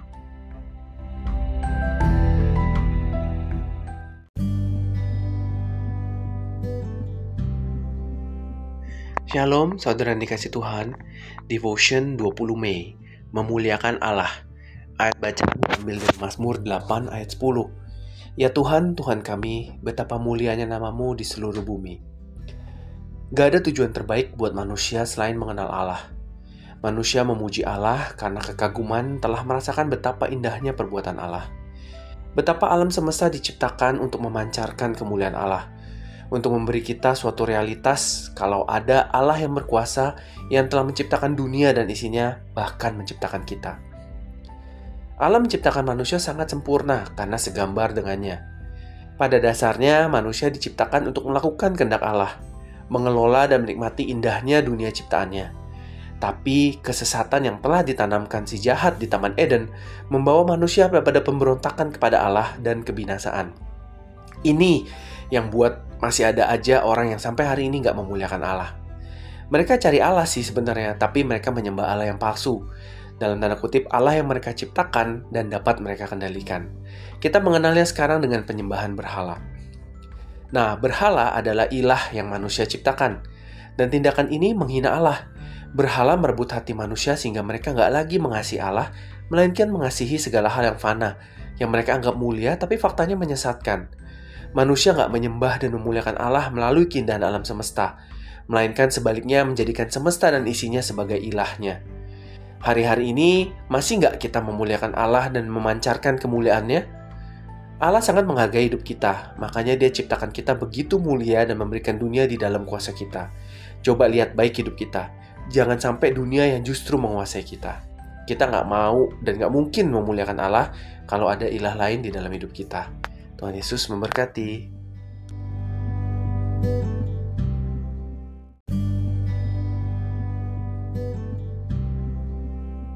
Shalom, brothers and sisters. Devotion 20th of May. Glorifying God. We will be reading from Psalm 8, verse 10. O Lord our God, how glorious is your name in all the earth.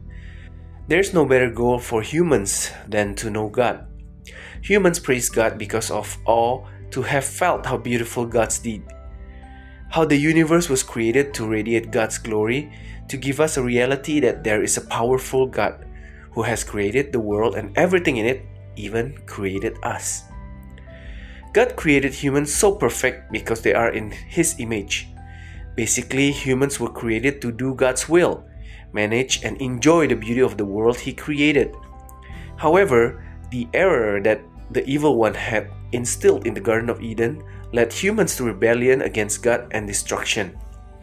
This is what makes there are people who to this day do not glorify God. They seek God but worship false gods.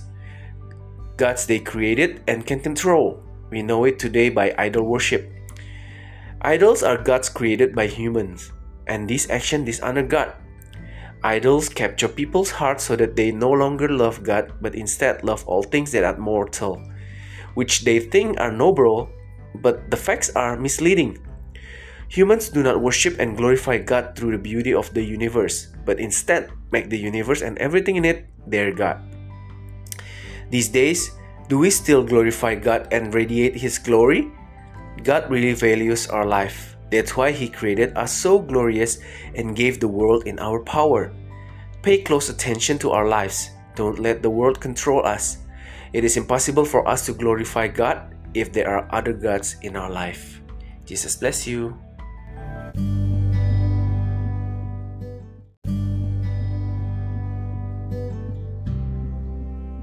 Shalom, saudara yang dikasih Tuhan. Devotion 21 Mei. Hikmat dan kebaikan Tuhan. Ayat bacaan diambil dari Amsal 3 ayat 27. Janganlah menahan kebaikan daripada orang-orang yang berhak menerimanya, padahal engkau mampu melakukannya. Kebaikan itu salah satu sifat ilahi yang harus terpancar dalam kehidupan orang percaya. Kenapa? Status kita adalah anak-anak terang. Teladan tentang kebaikan udah Tuhan Yesus tunjukin dengan senantiasa berbuat baik sama semua orang, tanpa memandang status dan latar belakang. Karena Tuhan Yesus baik, maka semua anaknya wajib untuk mengikuti jejaknya dan kebaikan itu dibuktikan melalui tindakan nyata.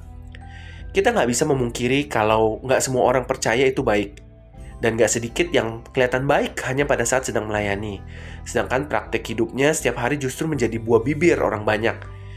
Bukannya Tuhan memanggil kita untuk melakukan kebaikan. Kita justru harus melakukan itu berdasarkan kasih Allah dan untuk kemuliaannya. Menahan kebaikan adalah tindakan jahat dan merupakan sebuah kekejian bagi Tuhan nggak berbuat baik walau padahal kita mampu untuk ngelakuinnya itu sebuah bukti kalau kita nggak taat sama Tuhan.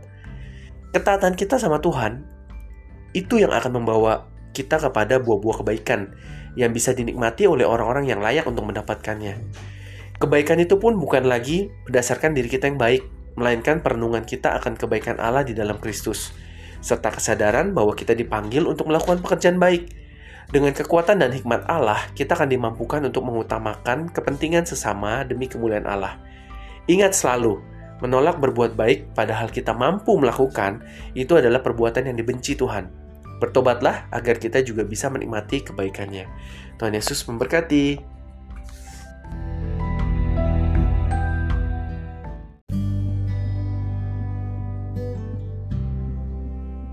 Shalom brothers and sisters. Devotion 21st of May The Wisdom and Goodness of God. We will be reading from Proverbs 3, verse 27. Do not withhold good from those who deserve it, even though you can do it. Kindness is a divine quality that must shine in the life of a believer. Why? Our status is children of light. The example of goodness has been shown by the Lord Jesus by always doing good to everyone regardless of status and background. Because the Lord Jesus is good, all his children must follow in his footsteps, and that goodness is proven through concrete actions. We cannot deny that not all believers are good. Not a few who look good only when they are serving, while the practice of living every day becomes the talk of many people. Doesn't God call us to do good we should instead do it out of God's love and for His glory. Withholding good is an evil act and is an abomination to God. Not doing good when we are able to do it, that's a proof of we disobey God. It is our obedience to God that will bring us the fruits of goodness, which can be enjoyed by those who deserve it. Goodness is no longer based on our good self, but our contemplation of God's goodness in Christ and the awareness that we are called to do good works. With God's strength and wisdom, we will be enabled to prioritize the interests of others for the glory of God. Always remember, refusing to do good when we are able to do it is an act that God hates. Repent so that we can also enjoy His goodness. Jesus bless you.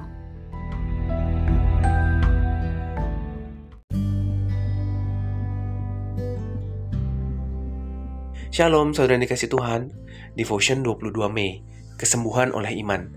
Ayat bacaan diambil dari Matius 8 ayat 13 Lalu Yesus berkata kepada perwira itu Pulanglah dan jadilah kepadamu seperti yang kau percaya. Maka pada saat itu juga sembuhlah hambanya. Seorang perwira sedang mengalami persoalan Yaitu hambanya terbaring di rumah karena sakit lumpuh. Lalu dia memutuskan untuk datang meminta pertolongan kepada Yesus. Yesus tergerak hatinya untuk menolong Padahal dia nggak kenal perwira itu sebelumnya. Hamba perwira itu pun mengalami kesembuhan. Ada tiga faktor penting yang dimiliki sang perwira sampai Yesus menjawab permohonannya. Yang pertama, punya kasih dan bertanggung jawab. Ini bisa dilihat melalui tindakannya mengusahakan kesembuhan hambanya. Yang kedua, memiliki kerendahan hati. Buktinya waktu Yesus mau ke rumahnya untuk menyembuhkan hambanya, perwira itu berkata, Tuhan, aku nggak layak menerima Tuhan di dalam rumahku. Tuhan sangat mengasihi orang yang rendah hati tapi membenci orang yang congkak. Yang ketiga, memiliki iman yang besar. Dia berkata bahwa Yesus nggak perlu ke rumahnya. Yesus cukup ucapkan sepatah kata aja, hambanya pasti sembuh. Setiap orang pasti berupaya sedemikian rupa untuk mencegah timbulnya masalah. Tapi faktanya kita nggak mampu mengelak dari, dari darinya. Masalah datang dan menimpa siapa pun tanpa memandang bulu. Orang kaya, orang miskin, berpendidikan tinggi atau rendah, tinggal di kota atau di desa, semua punya masalah dan pergumulan. Makanya kita semua sangat membutuhkan pertolongan dan jalan keluar dari Tuhan. Ayo kita teladanin tindakan dari perwira ini. Karena selama sikap hati kita nggak benar dan kita belum cukup beriman kepadanya, susah untuk kita beroleh jawaban doa dari Tuhan. Tuhan Yesus memberkati.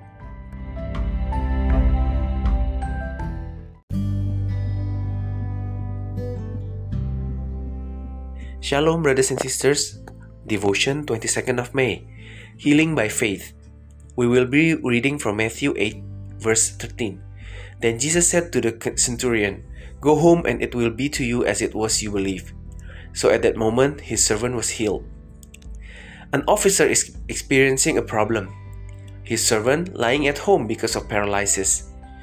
He then decided to come to ask Jesus for help. Jesus was moved to help, even though he did not know the centurion before. The centurion's servants also experienced healing. There were three important factors that the centurion had so that Jesus answered his request. First, have love and be responsible. This can be seen through his actions seeking the healing of his servant. Second, have humility. The proof is when Jesus was about to go to his house to heal his, his servant, the centurion said, Sir, I am not worthy to receive you in my house. You see, God really loves the humble, but hates the arrogant.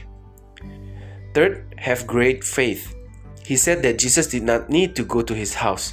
Jesus just need to say a word, his servant will be healed. Everyone will make every effort to prevent problems from arising. But the fact is, we cannot avoid it. Problems come and befall anyone regardless of anything.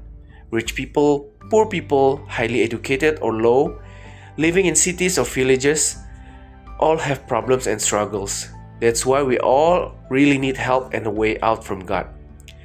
Now let's imitate the, action, the actions of this centurion because as long as our heart attitude is not right and we don't have enough faith in Him, it will be difficult for us to get answers to prayers from God. Jesus bless you.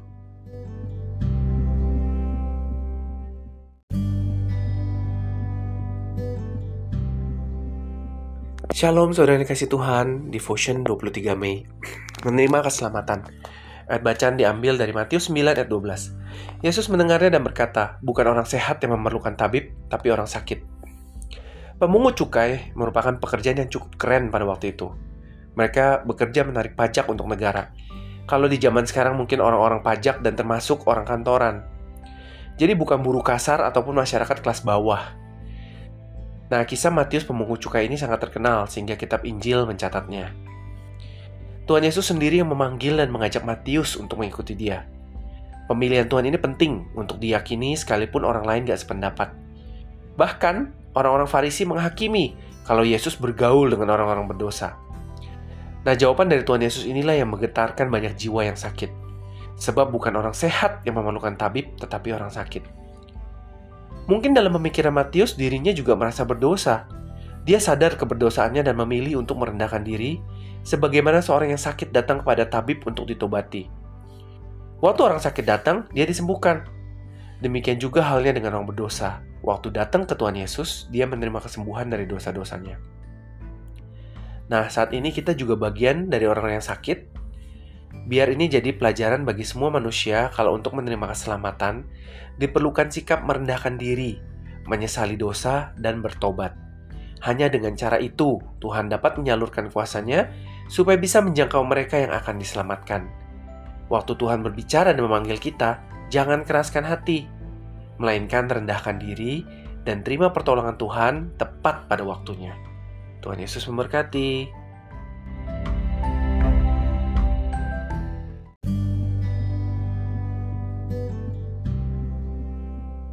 Shalom, brothers and sisters. Devotion 23rd of May. Receive salvation. We will be reading from Matthew 9, verse 12. Jesus heard him and said, It is not the healthy who need a physician, but sick person. Tax collector was a pretty cool job at that time. They worked to collect taxes for the state uh, if in this day and age uh, they might be uh, the tax people and include office people so not unskilled laborers or lower class society the story of matthew the tax collector is so famous that the bible records it the Lord Jesus himself called and invited Matthew to follow him. Now, it is important to believe in God's election, even if other people disagree. Even the Pharisees judged that Jesus associated with the sinners.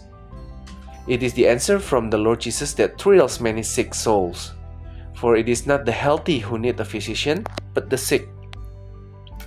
Maybe in Matthew's mind, he also felt guilty. He realized his sinfulness and chose to humble himself, as a sick person comes to a healer to be treated. When a sick person came, he was healed. Likewise, with the sinner, when he comes to the Lord Jesus, he receives healing from his sins. Are we currently also part of the sick people? Let this be a lesson for all human beings that to receive salvation, it requires humility, repentance, and always repentance. Only in that way, God can channel His power so that it can reach those who will be saved. When God speaks and calls us, don't harden our heart, but humble ourselves and receive God's help in time. Jesus bless you.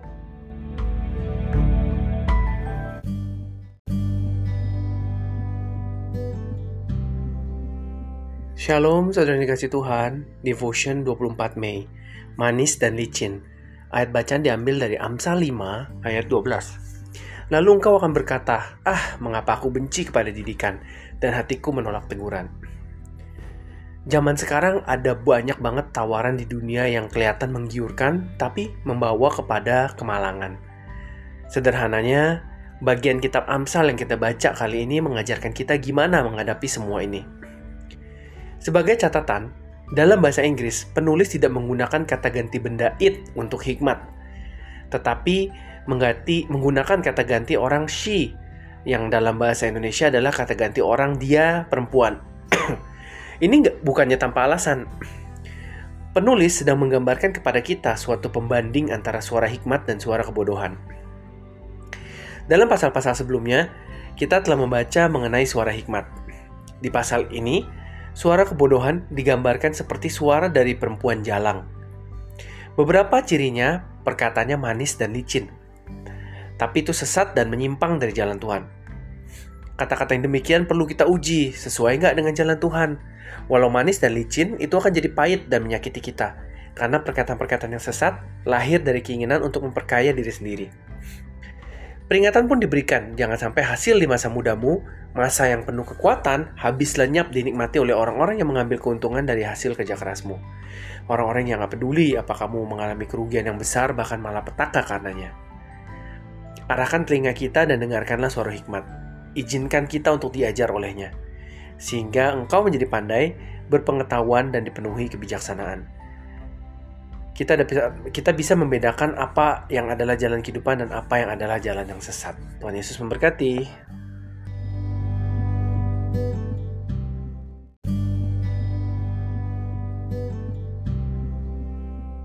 Shalom brothers and sisters.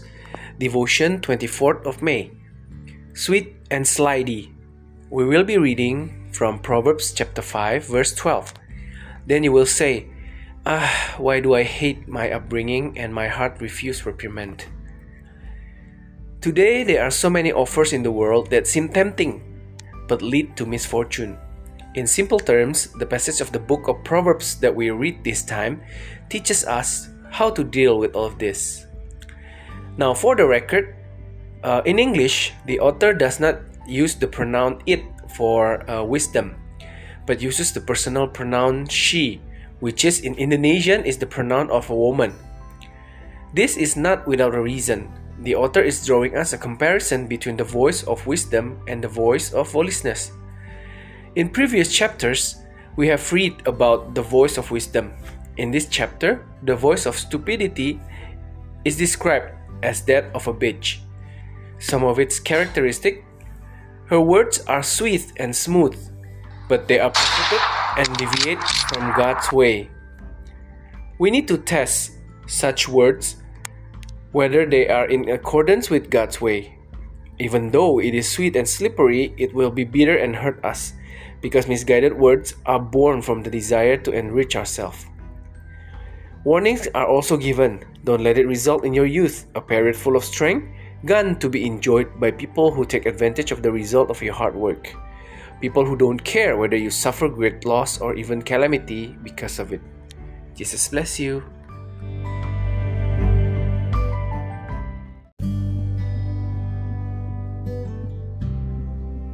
Shalom, saudara dikasih Tuhan, Devotion 25 Mei. Hormati orang tua. Ayat bacaan diambil dari kejadian 27.35. Jawab ayahnya, adikmu telah datang dengan tipu daya dan telah merampas berkat yang untukmu itu. Salah satu perintah Tuhan kepada kita adalah menghormati dan menghargai orang tua, apa pun itu keadaan mereka. Tapi faktanya banyak orang yang berubah nggak menghormati orang tua di usia lanjut mereka. Bahkan ada yang tega bertindak semena-mena demi mewujudkan keinginan mereka, seperti mendapatkan materi, contohnya aja Yakub. Yakub mau mendapatkan berkat anak sulung, karena selain hak anak sulung dihargai tinggi, dia juga akan memegang kuasa sebagai pengganti ayahnya. Untuk mewujudkan keinginan itu dan didukung oleh sang ibu, Yakub nekat menyamar sebagai Esau dan berhasil mengelabui Ishak ayahnya tidak lagi bisa melihat. Saat ayahnya mulai meragukan keberadaannya, Yakub tegaskan bahwa benar dirinya adalah Esau. Hasilnya ya dirinya pun diberkati sebagai anak sulung. Setelah berhasil mendapatkan keinginannya lewat menipu, kenyataan pahit Yakub harus terima. Dia hidup terpisah dari orang tua sekian lamanya karena Esau mau membunuh dia. Yakub kehilangan sukacita dan damai sejahtera. Dia juga selalu hidup waspada kalau-kalau Esau menemukannya dan akan membalasnya. Perhatikan hidup kita selama ini. Apa kita pernah memperdaya orang tua, bahkan tega memperlakukan mereka secara nggak terhormat demi mendapatkan keinginan kita? Segera beresin deh minta ampun kepada Tuhan dan orang tua supaya hidup kita diberkati dan dijauhkan Tuhan dari segala hal yang buruk. Ingat, kebahagiaan kita, keberhasilan dan berkat yang kita terima, semua itu nggak lepas dari bagaimana sikap dan perbuatan kita terhadap orang tua. Hormati dan hargailah mereka. Tuhan Yesus memberkati.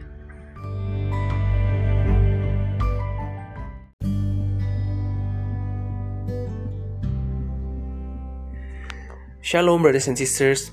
Devotion 25th May. Respect parents. We will be reading from Genesis chapter 27, verse 35. His father replied, Your brother has come to the seat and has taken away the blessing that won for you. You see, one of God's commandments for to us is to respect and appreciate parents, whatever their circumstances. But in fact, many people who change do not respect their parents in their old age. There are even those who have the heart to act arbitrarily for the sake of realizing their desires, such as to get materials. Take Jacob, for example.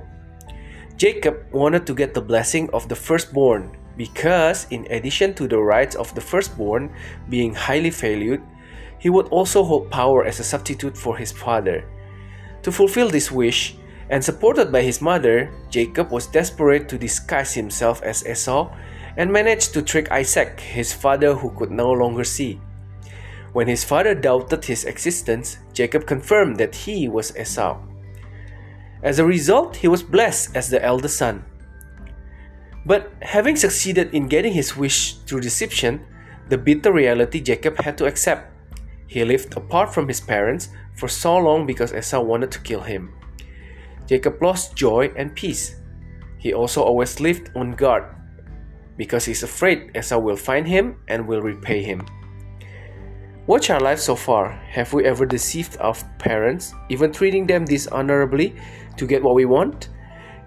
Get it done right away. Ask God and parents for forgiveness so that our lives will be blessed and God will keep us away from all bad things. Remember, our happiness, the successes, and blessings we receive, all of that cannot be separated from how we behave and act towards our parents. Respect and appreciate them. Jesus bless you.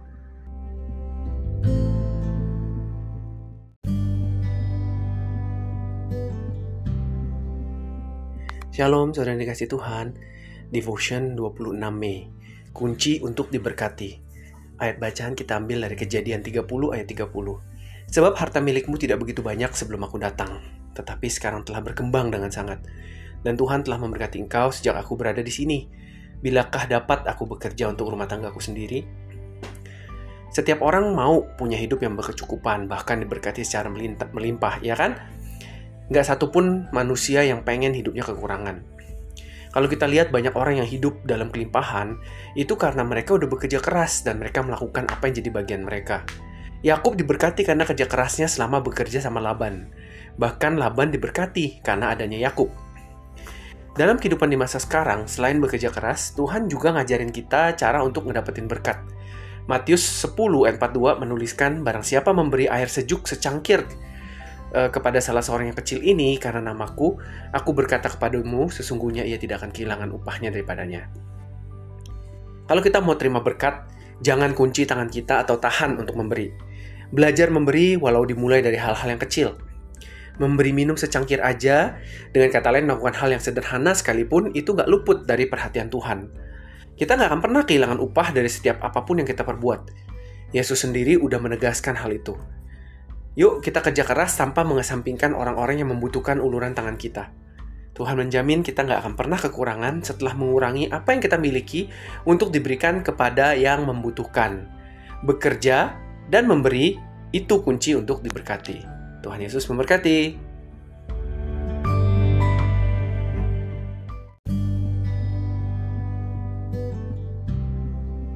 Shalom, brothers and sisters, devotion 26th of May. The key to be blessed. We will be reading from the book of Genesis, chapter 30, verse 30.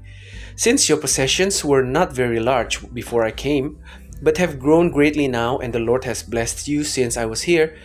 When can I work for my own household? Now, everyone wants to live in abundance and even be blessed abundantly, right? None of the humans who want to live lack of anything.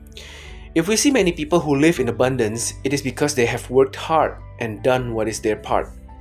Jacob was blessed because of his hard work while working for Laban. Even Laban was blessed because of Jacob's existence.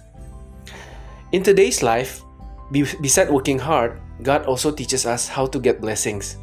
Matthew 10, verse 42 writes, Whoever gives even a cup of cold water to one of these little ones for the sake of my name, truly I say to you, he will be by no means lose his reward from him. If we want to receive blessings, then don't look then don't lock our hands or hold back from giving. Learn to give even if it starts from small things. Giving just a cup to drink, in other words, even doing simple things, does not escape God's attention. We will never lose the reward of anything we do. Jesus himself has confirmed this. Let us work hard without putting aside that those who need our helping hand. God guarantees that we will never lack after reducing what we have to give to those in need. Working and giving is the key to be blessed. Jesus bless you.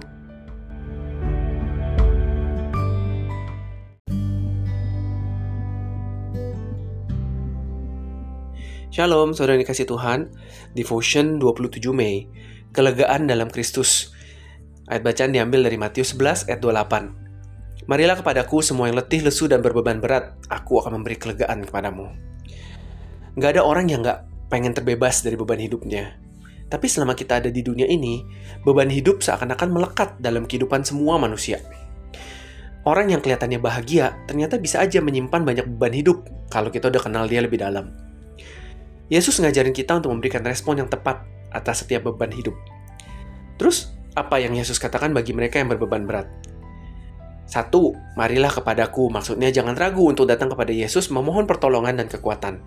Dalam Yesus, pintu pengharapan selalu terbuka. Kedua, belajarlah kepadaku.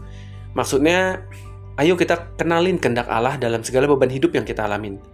Dengan gitu kita nggak akan dihancurkan oleh beban kehidupan kita. Yang ketiga, pikulah kuk yang kupasang. Maksudnya tuh supaya kita belajar melihat beban hidup dengan kacamata iman, supaya kita bisa menikmati beban itu dengan cara yang berbeda. Karena kita tahu Allah turut bekerja di dalamnya untuk mendatangkan kebaikan bagi kita. Makanya pastiin beban yang kita terima ini selaras dengan rencana Tuhan. Dan bukan karena perbuatan dosa ya. Kemudian terima rema apa maksud Tuhan atas beban itu dalam hidup kita. Kristus kasih jaminan kelegaan atas beban berat kehidupan kita. Makanya kita pasti mampu melewatinya. Bahkan beban tersebut bisa menjadi kesempatan untuk kita selalu bertumbuh dalam iman serta melihat mujizat Tuhan. Tuhan Yesus memberkati.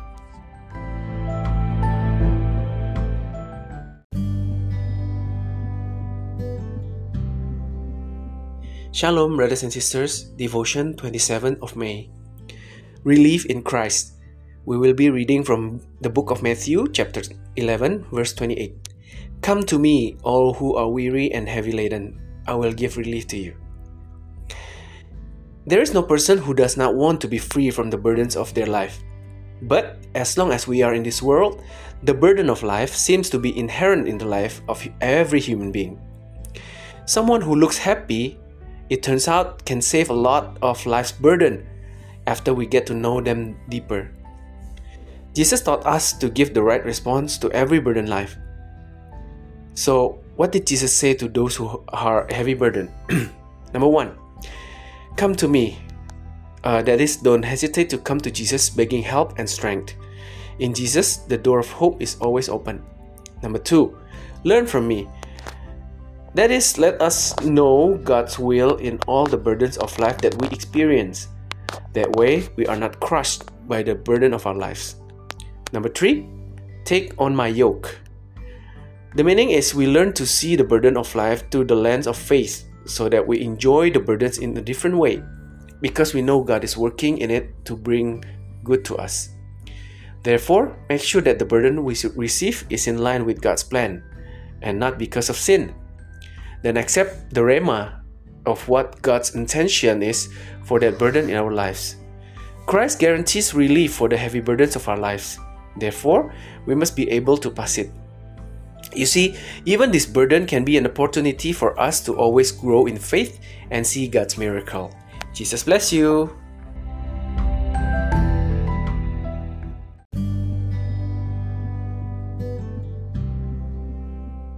Shalom, saudara dikasih Tuhan. Devotion 28 Mei. Hidup keagamaan yang sejati. Ayat bacaan diambil dari Matius 12 ayat 7. Jika memang kamu mengerti maksud firman ini, yang kukendaki ialah belas kasihan dan bukan persembahan. Tentu kamu tidak menghukum orang yang tidak bersalah. Kondisi murid-murid Yesus waktu itu sangat kelaparan. Yesus mengizinkan para murid memetik bulir gandum kemudian memakannya. Tapi masalahnya, itu hari sabat. Makanya orang-orang Farisi begitu marah. Para murid dianggap melanggar hukum Taurat. Orang-orang Farisi itu merasa kelompok yang paling benar menjalankan hidup keagamaan. Tapi, Yesus memberi mereka sebuah pelajaran berharga. Kadang ada orang berpikir bahwa hidup beragama itu baik kalau sudah mentaati peraturan dan perintah-perintah secara harafiah. Sehingga hidup keagamaan menjadi begitu kaku dan bisa jadi kurang manusiawi. Justru ada orang yang menderita dan terancam kematian karena menjalankan peraturan agama yang gak tepat. Sedangkan Tuhan mengkendaki adanya belas kasihan, pengampunan, pertobatan, dan keselamatan manusia dalam menjalankan dan menghayati perintahnya. Contohnya tindakan Yesus dalam peristiwa wanita yang berzina. Kita seharusnya memaham bahwa hubungan kita dengan Tuhan gak bisa dilepaskan dari korelasi hubungan kita dengan sesama manusia. Sebagai orang beriman, tentu kita juga menerima aturan untuk membawa persembahan berupa harta. Tapi bakal lebih penting kalau persembahan itu dalam situasi tertentu digunakan untuk menolong orang tua, saudara, dan sesama kita dari bahaya kematian, kemiskinan, atau kelaparan. Supaya kerohanian kita nggak menjadi batu sandungan. Marilah kita beribadah bukan hanya dengan kata-kata, tapi juga dengan perbuatan kasih, jadi nama Tuhan dipermuliakan melalui kehidupan kita. Tuhan Yesus memberkati.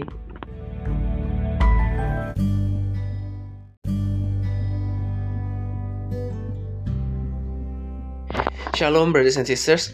Devotion 28th of May Through Religious Life. We will be reading from Matthew chapter 12, verse 7. If indeed you understand the meaning of these words, what I want is mercy, not offerings. Surely you will not punish innocent people. Well, the condition of Jesus' disciples at that time was very hungry. Jesus allowed the disciples pluck the ears of wheat and ate them. But the thing is, it's the day of Sabbath. That's why the Pharisees were so angry. The students were considered transgressors the law. The Pharisees felt that the group was the most righteous led lead a religious life. However, Jesus taught them a valuable lesson. Sometimes people think that it is good to live a religious life if they literally obey the rules and commandments, so that religious life becomes so rigid and can become less human. There are people who actually suffer and are threatened with that because they carry out religious regulations that are not right. Whereas God wants mercy, forgiveness, repentance, and human salvation in carrying out and living His commands. For example, the action of the Lord Jesus in the event of the woman who committed adultery. You see, we shouldn't understand that our relationship with God cannot be separated from the correlation of our relationship with other human beings. As believers, of course, we also accept the rules for bringing offerings in the form of treasure. But it will be more important when the offering is used in certain situations to help our parents, siblings, neighbors from the dangers of death, poverty, or hunger, so that our spirituality does not become a stumbling block. Let us worship not only with words, but with deeds love, so that God's name is glorified, glorified through our lives. Jesus bless you.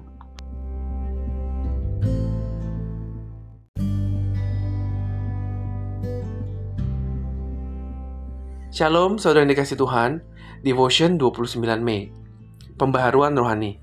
Ayat bacaan diambil dari Kejadian 35 ayat 2. Lalu berkatalah Yakub kepada sisi rumahnya dan kepada semua orang yang bersama-sama dengan dia. Jauhkanlah dewa-dewa asing yang ada di tengah-tengah kamu, tahirkanlah dirimu dan tukarlah pakaianmu.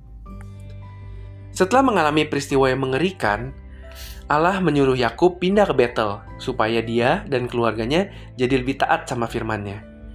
Yakub yang sadar ke kemerosotan rohani keluarganya langsung memerintahkan supaya keluarganya membuang semua dewa asing yang ada di tengah-tengah mereka.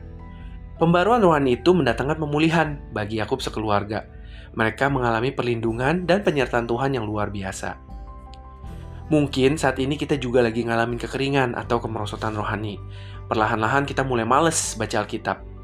Terus kita mulai menganggap deh beribadah ke gereja tuh nggak penting kita mulai tinggalin kegiatan pelayanan demi kesenangan duniawi. Mulai itu kita tawar-menawar dengan perkara-perkara rohani. Dampaknya kita akhirnya menghadapi banyak kehilangan dan kegagalan karena menjauh dari Tuhan dan ketetapan-ketetapannya. Nah, nggak ada kata terlambat.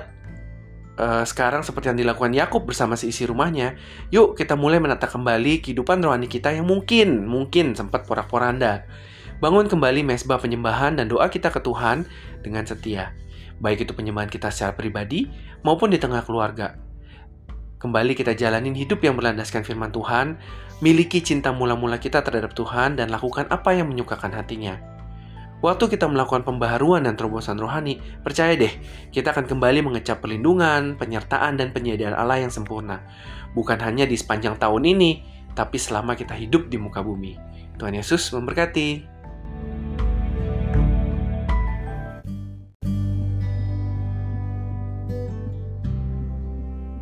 Shalom, brothers and sisters.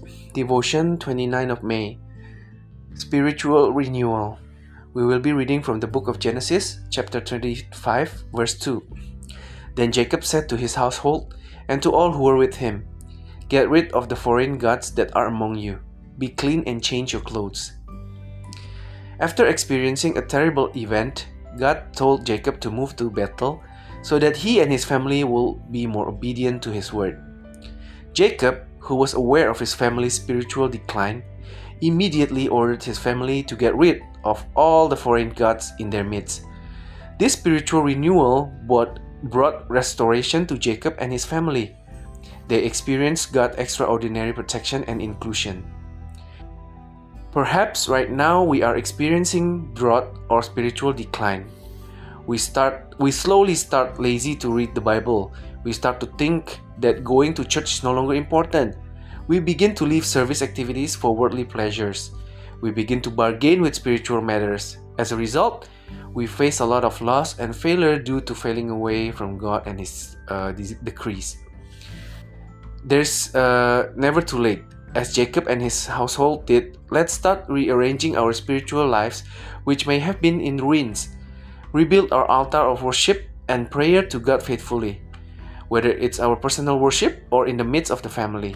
Come back to living a life that is based on God's Word, have our first love with God, and do what pleases His heart. When we carry out spiritual updates and breakthrough, believe that we will again experience God's perfect protection, inclusion, and provision, not only throughout this year, but as long as we live on earth. Jesus bless you.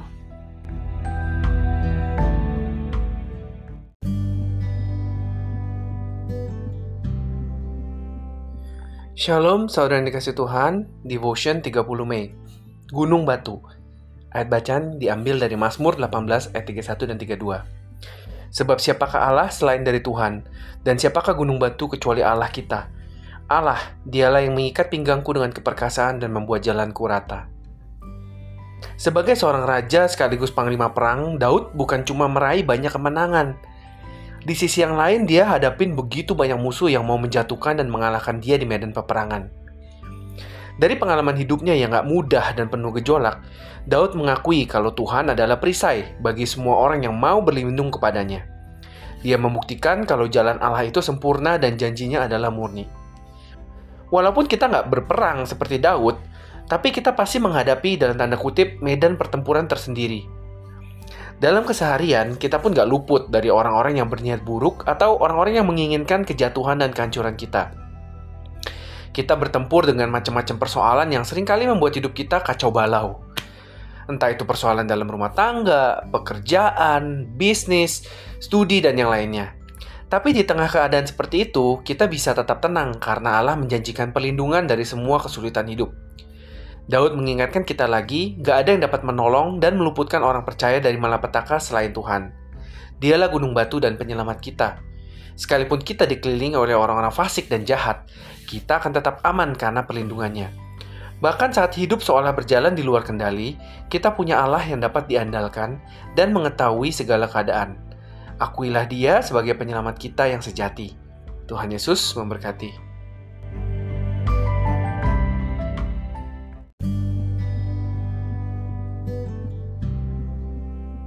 Shalom, brothers and sisters. Devotion 30 of May. Rock Mountain. We will be reading from Psalm chapter 18, verse 31 and 32. For who is God but the Lord, and who is a rock but our God? God, it is He who girds my loins with mightness and makes my path smooth. As a king and warlord, David not only won many victories, on the other hand, he faces many enemies who want to bring him down and defeat him on the battlefield. For the experience of his life, which was not easy and full of turmoil, David acknowledged that God is a shield for those who want to take refuge in him. He proved that God's ways are perfect and his promises are pure. Even though we don't fight like David, we definitely face our own battlefield in everyday life. We are not spared from people with bad intention or people who want our downfall and destruction we fight with various problems that often make our life more or chaotic. Whether it's problem in the household work businesses studies and others. But in the midst of such circumstances we can remain calm because god promises protection from all life's difficulties. David reminds us again nothing can help and save believers from disaster other than god. He is our rock and savior even though we are surrounded by wicked and evil people, we will still be safe because of His protection. Even when life seems to be spiraling out of control, we have a God who is reliable and knows all things. Acknowledge Him as our true Savior. Jesus bless you.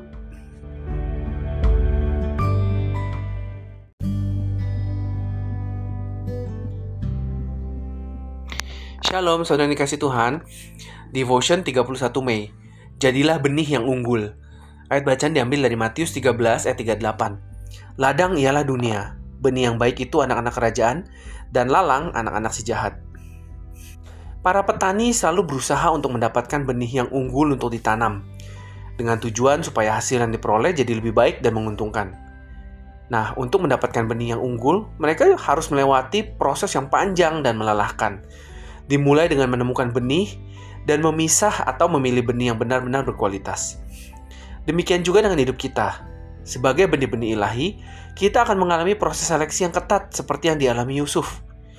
Dia lahir dari keluarga besar dengan 12 bersaudara, tapi secara khusus ia telah dipilih menjadi benih unggul sejak masih kecil.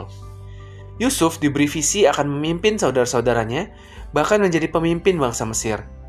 Untuk mencapai visi itu, dia melewati proses seleksi yang ketat, Dimulai dari dalam keluarganya, dia dibenci dan disepelekan. Kedua, di luar keluarganya, yaitu saat bekerja di rumah Potifar. Dia digoda dan difitnah oleh istri Potifar. Yang ketiga, dimasukkan ke dalam penjara. bahkan dilupakan orang yang pernah ditolong. Tapi benih yang unggul nggak rusak oleh proses yang dialaminya, melainkan tumbuh besar hingga Yusuf menjadi Perdana Menteri Mesir. Kita semua merupakan benih yang baik dari kerajaan surga. Makanya jadilah benih-benih unggul, yang berhasil melewati dan menjalani setiap proses dalam kehidupan, walau harus uh, melewati semuanya rencana Tuhan dalam hidup kita, supaya semuanya nanti akhirnya jadi terlaksana dengan baik. Tuhan Yesus memberkati.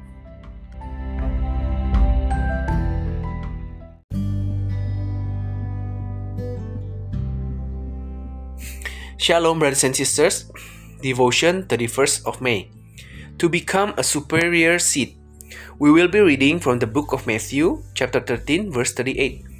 The field is the world. The good seeds are the children of kingdom, and the weeds are the children of the evil one.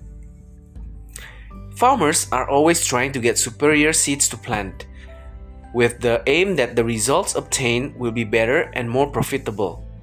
To get superior seeds, they also have to go through a long and tiring process, starting from finding the seeds and separating or selecting seeds that are really high quality. Likewise, with our lives as divine seeds, we will experience a strict selection process like that experienced by Joseph.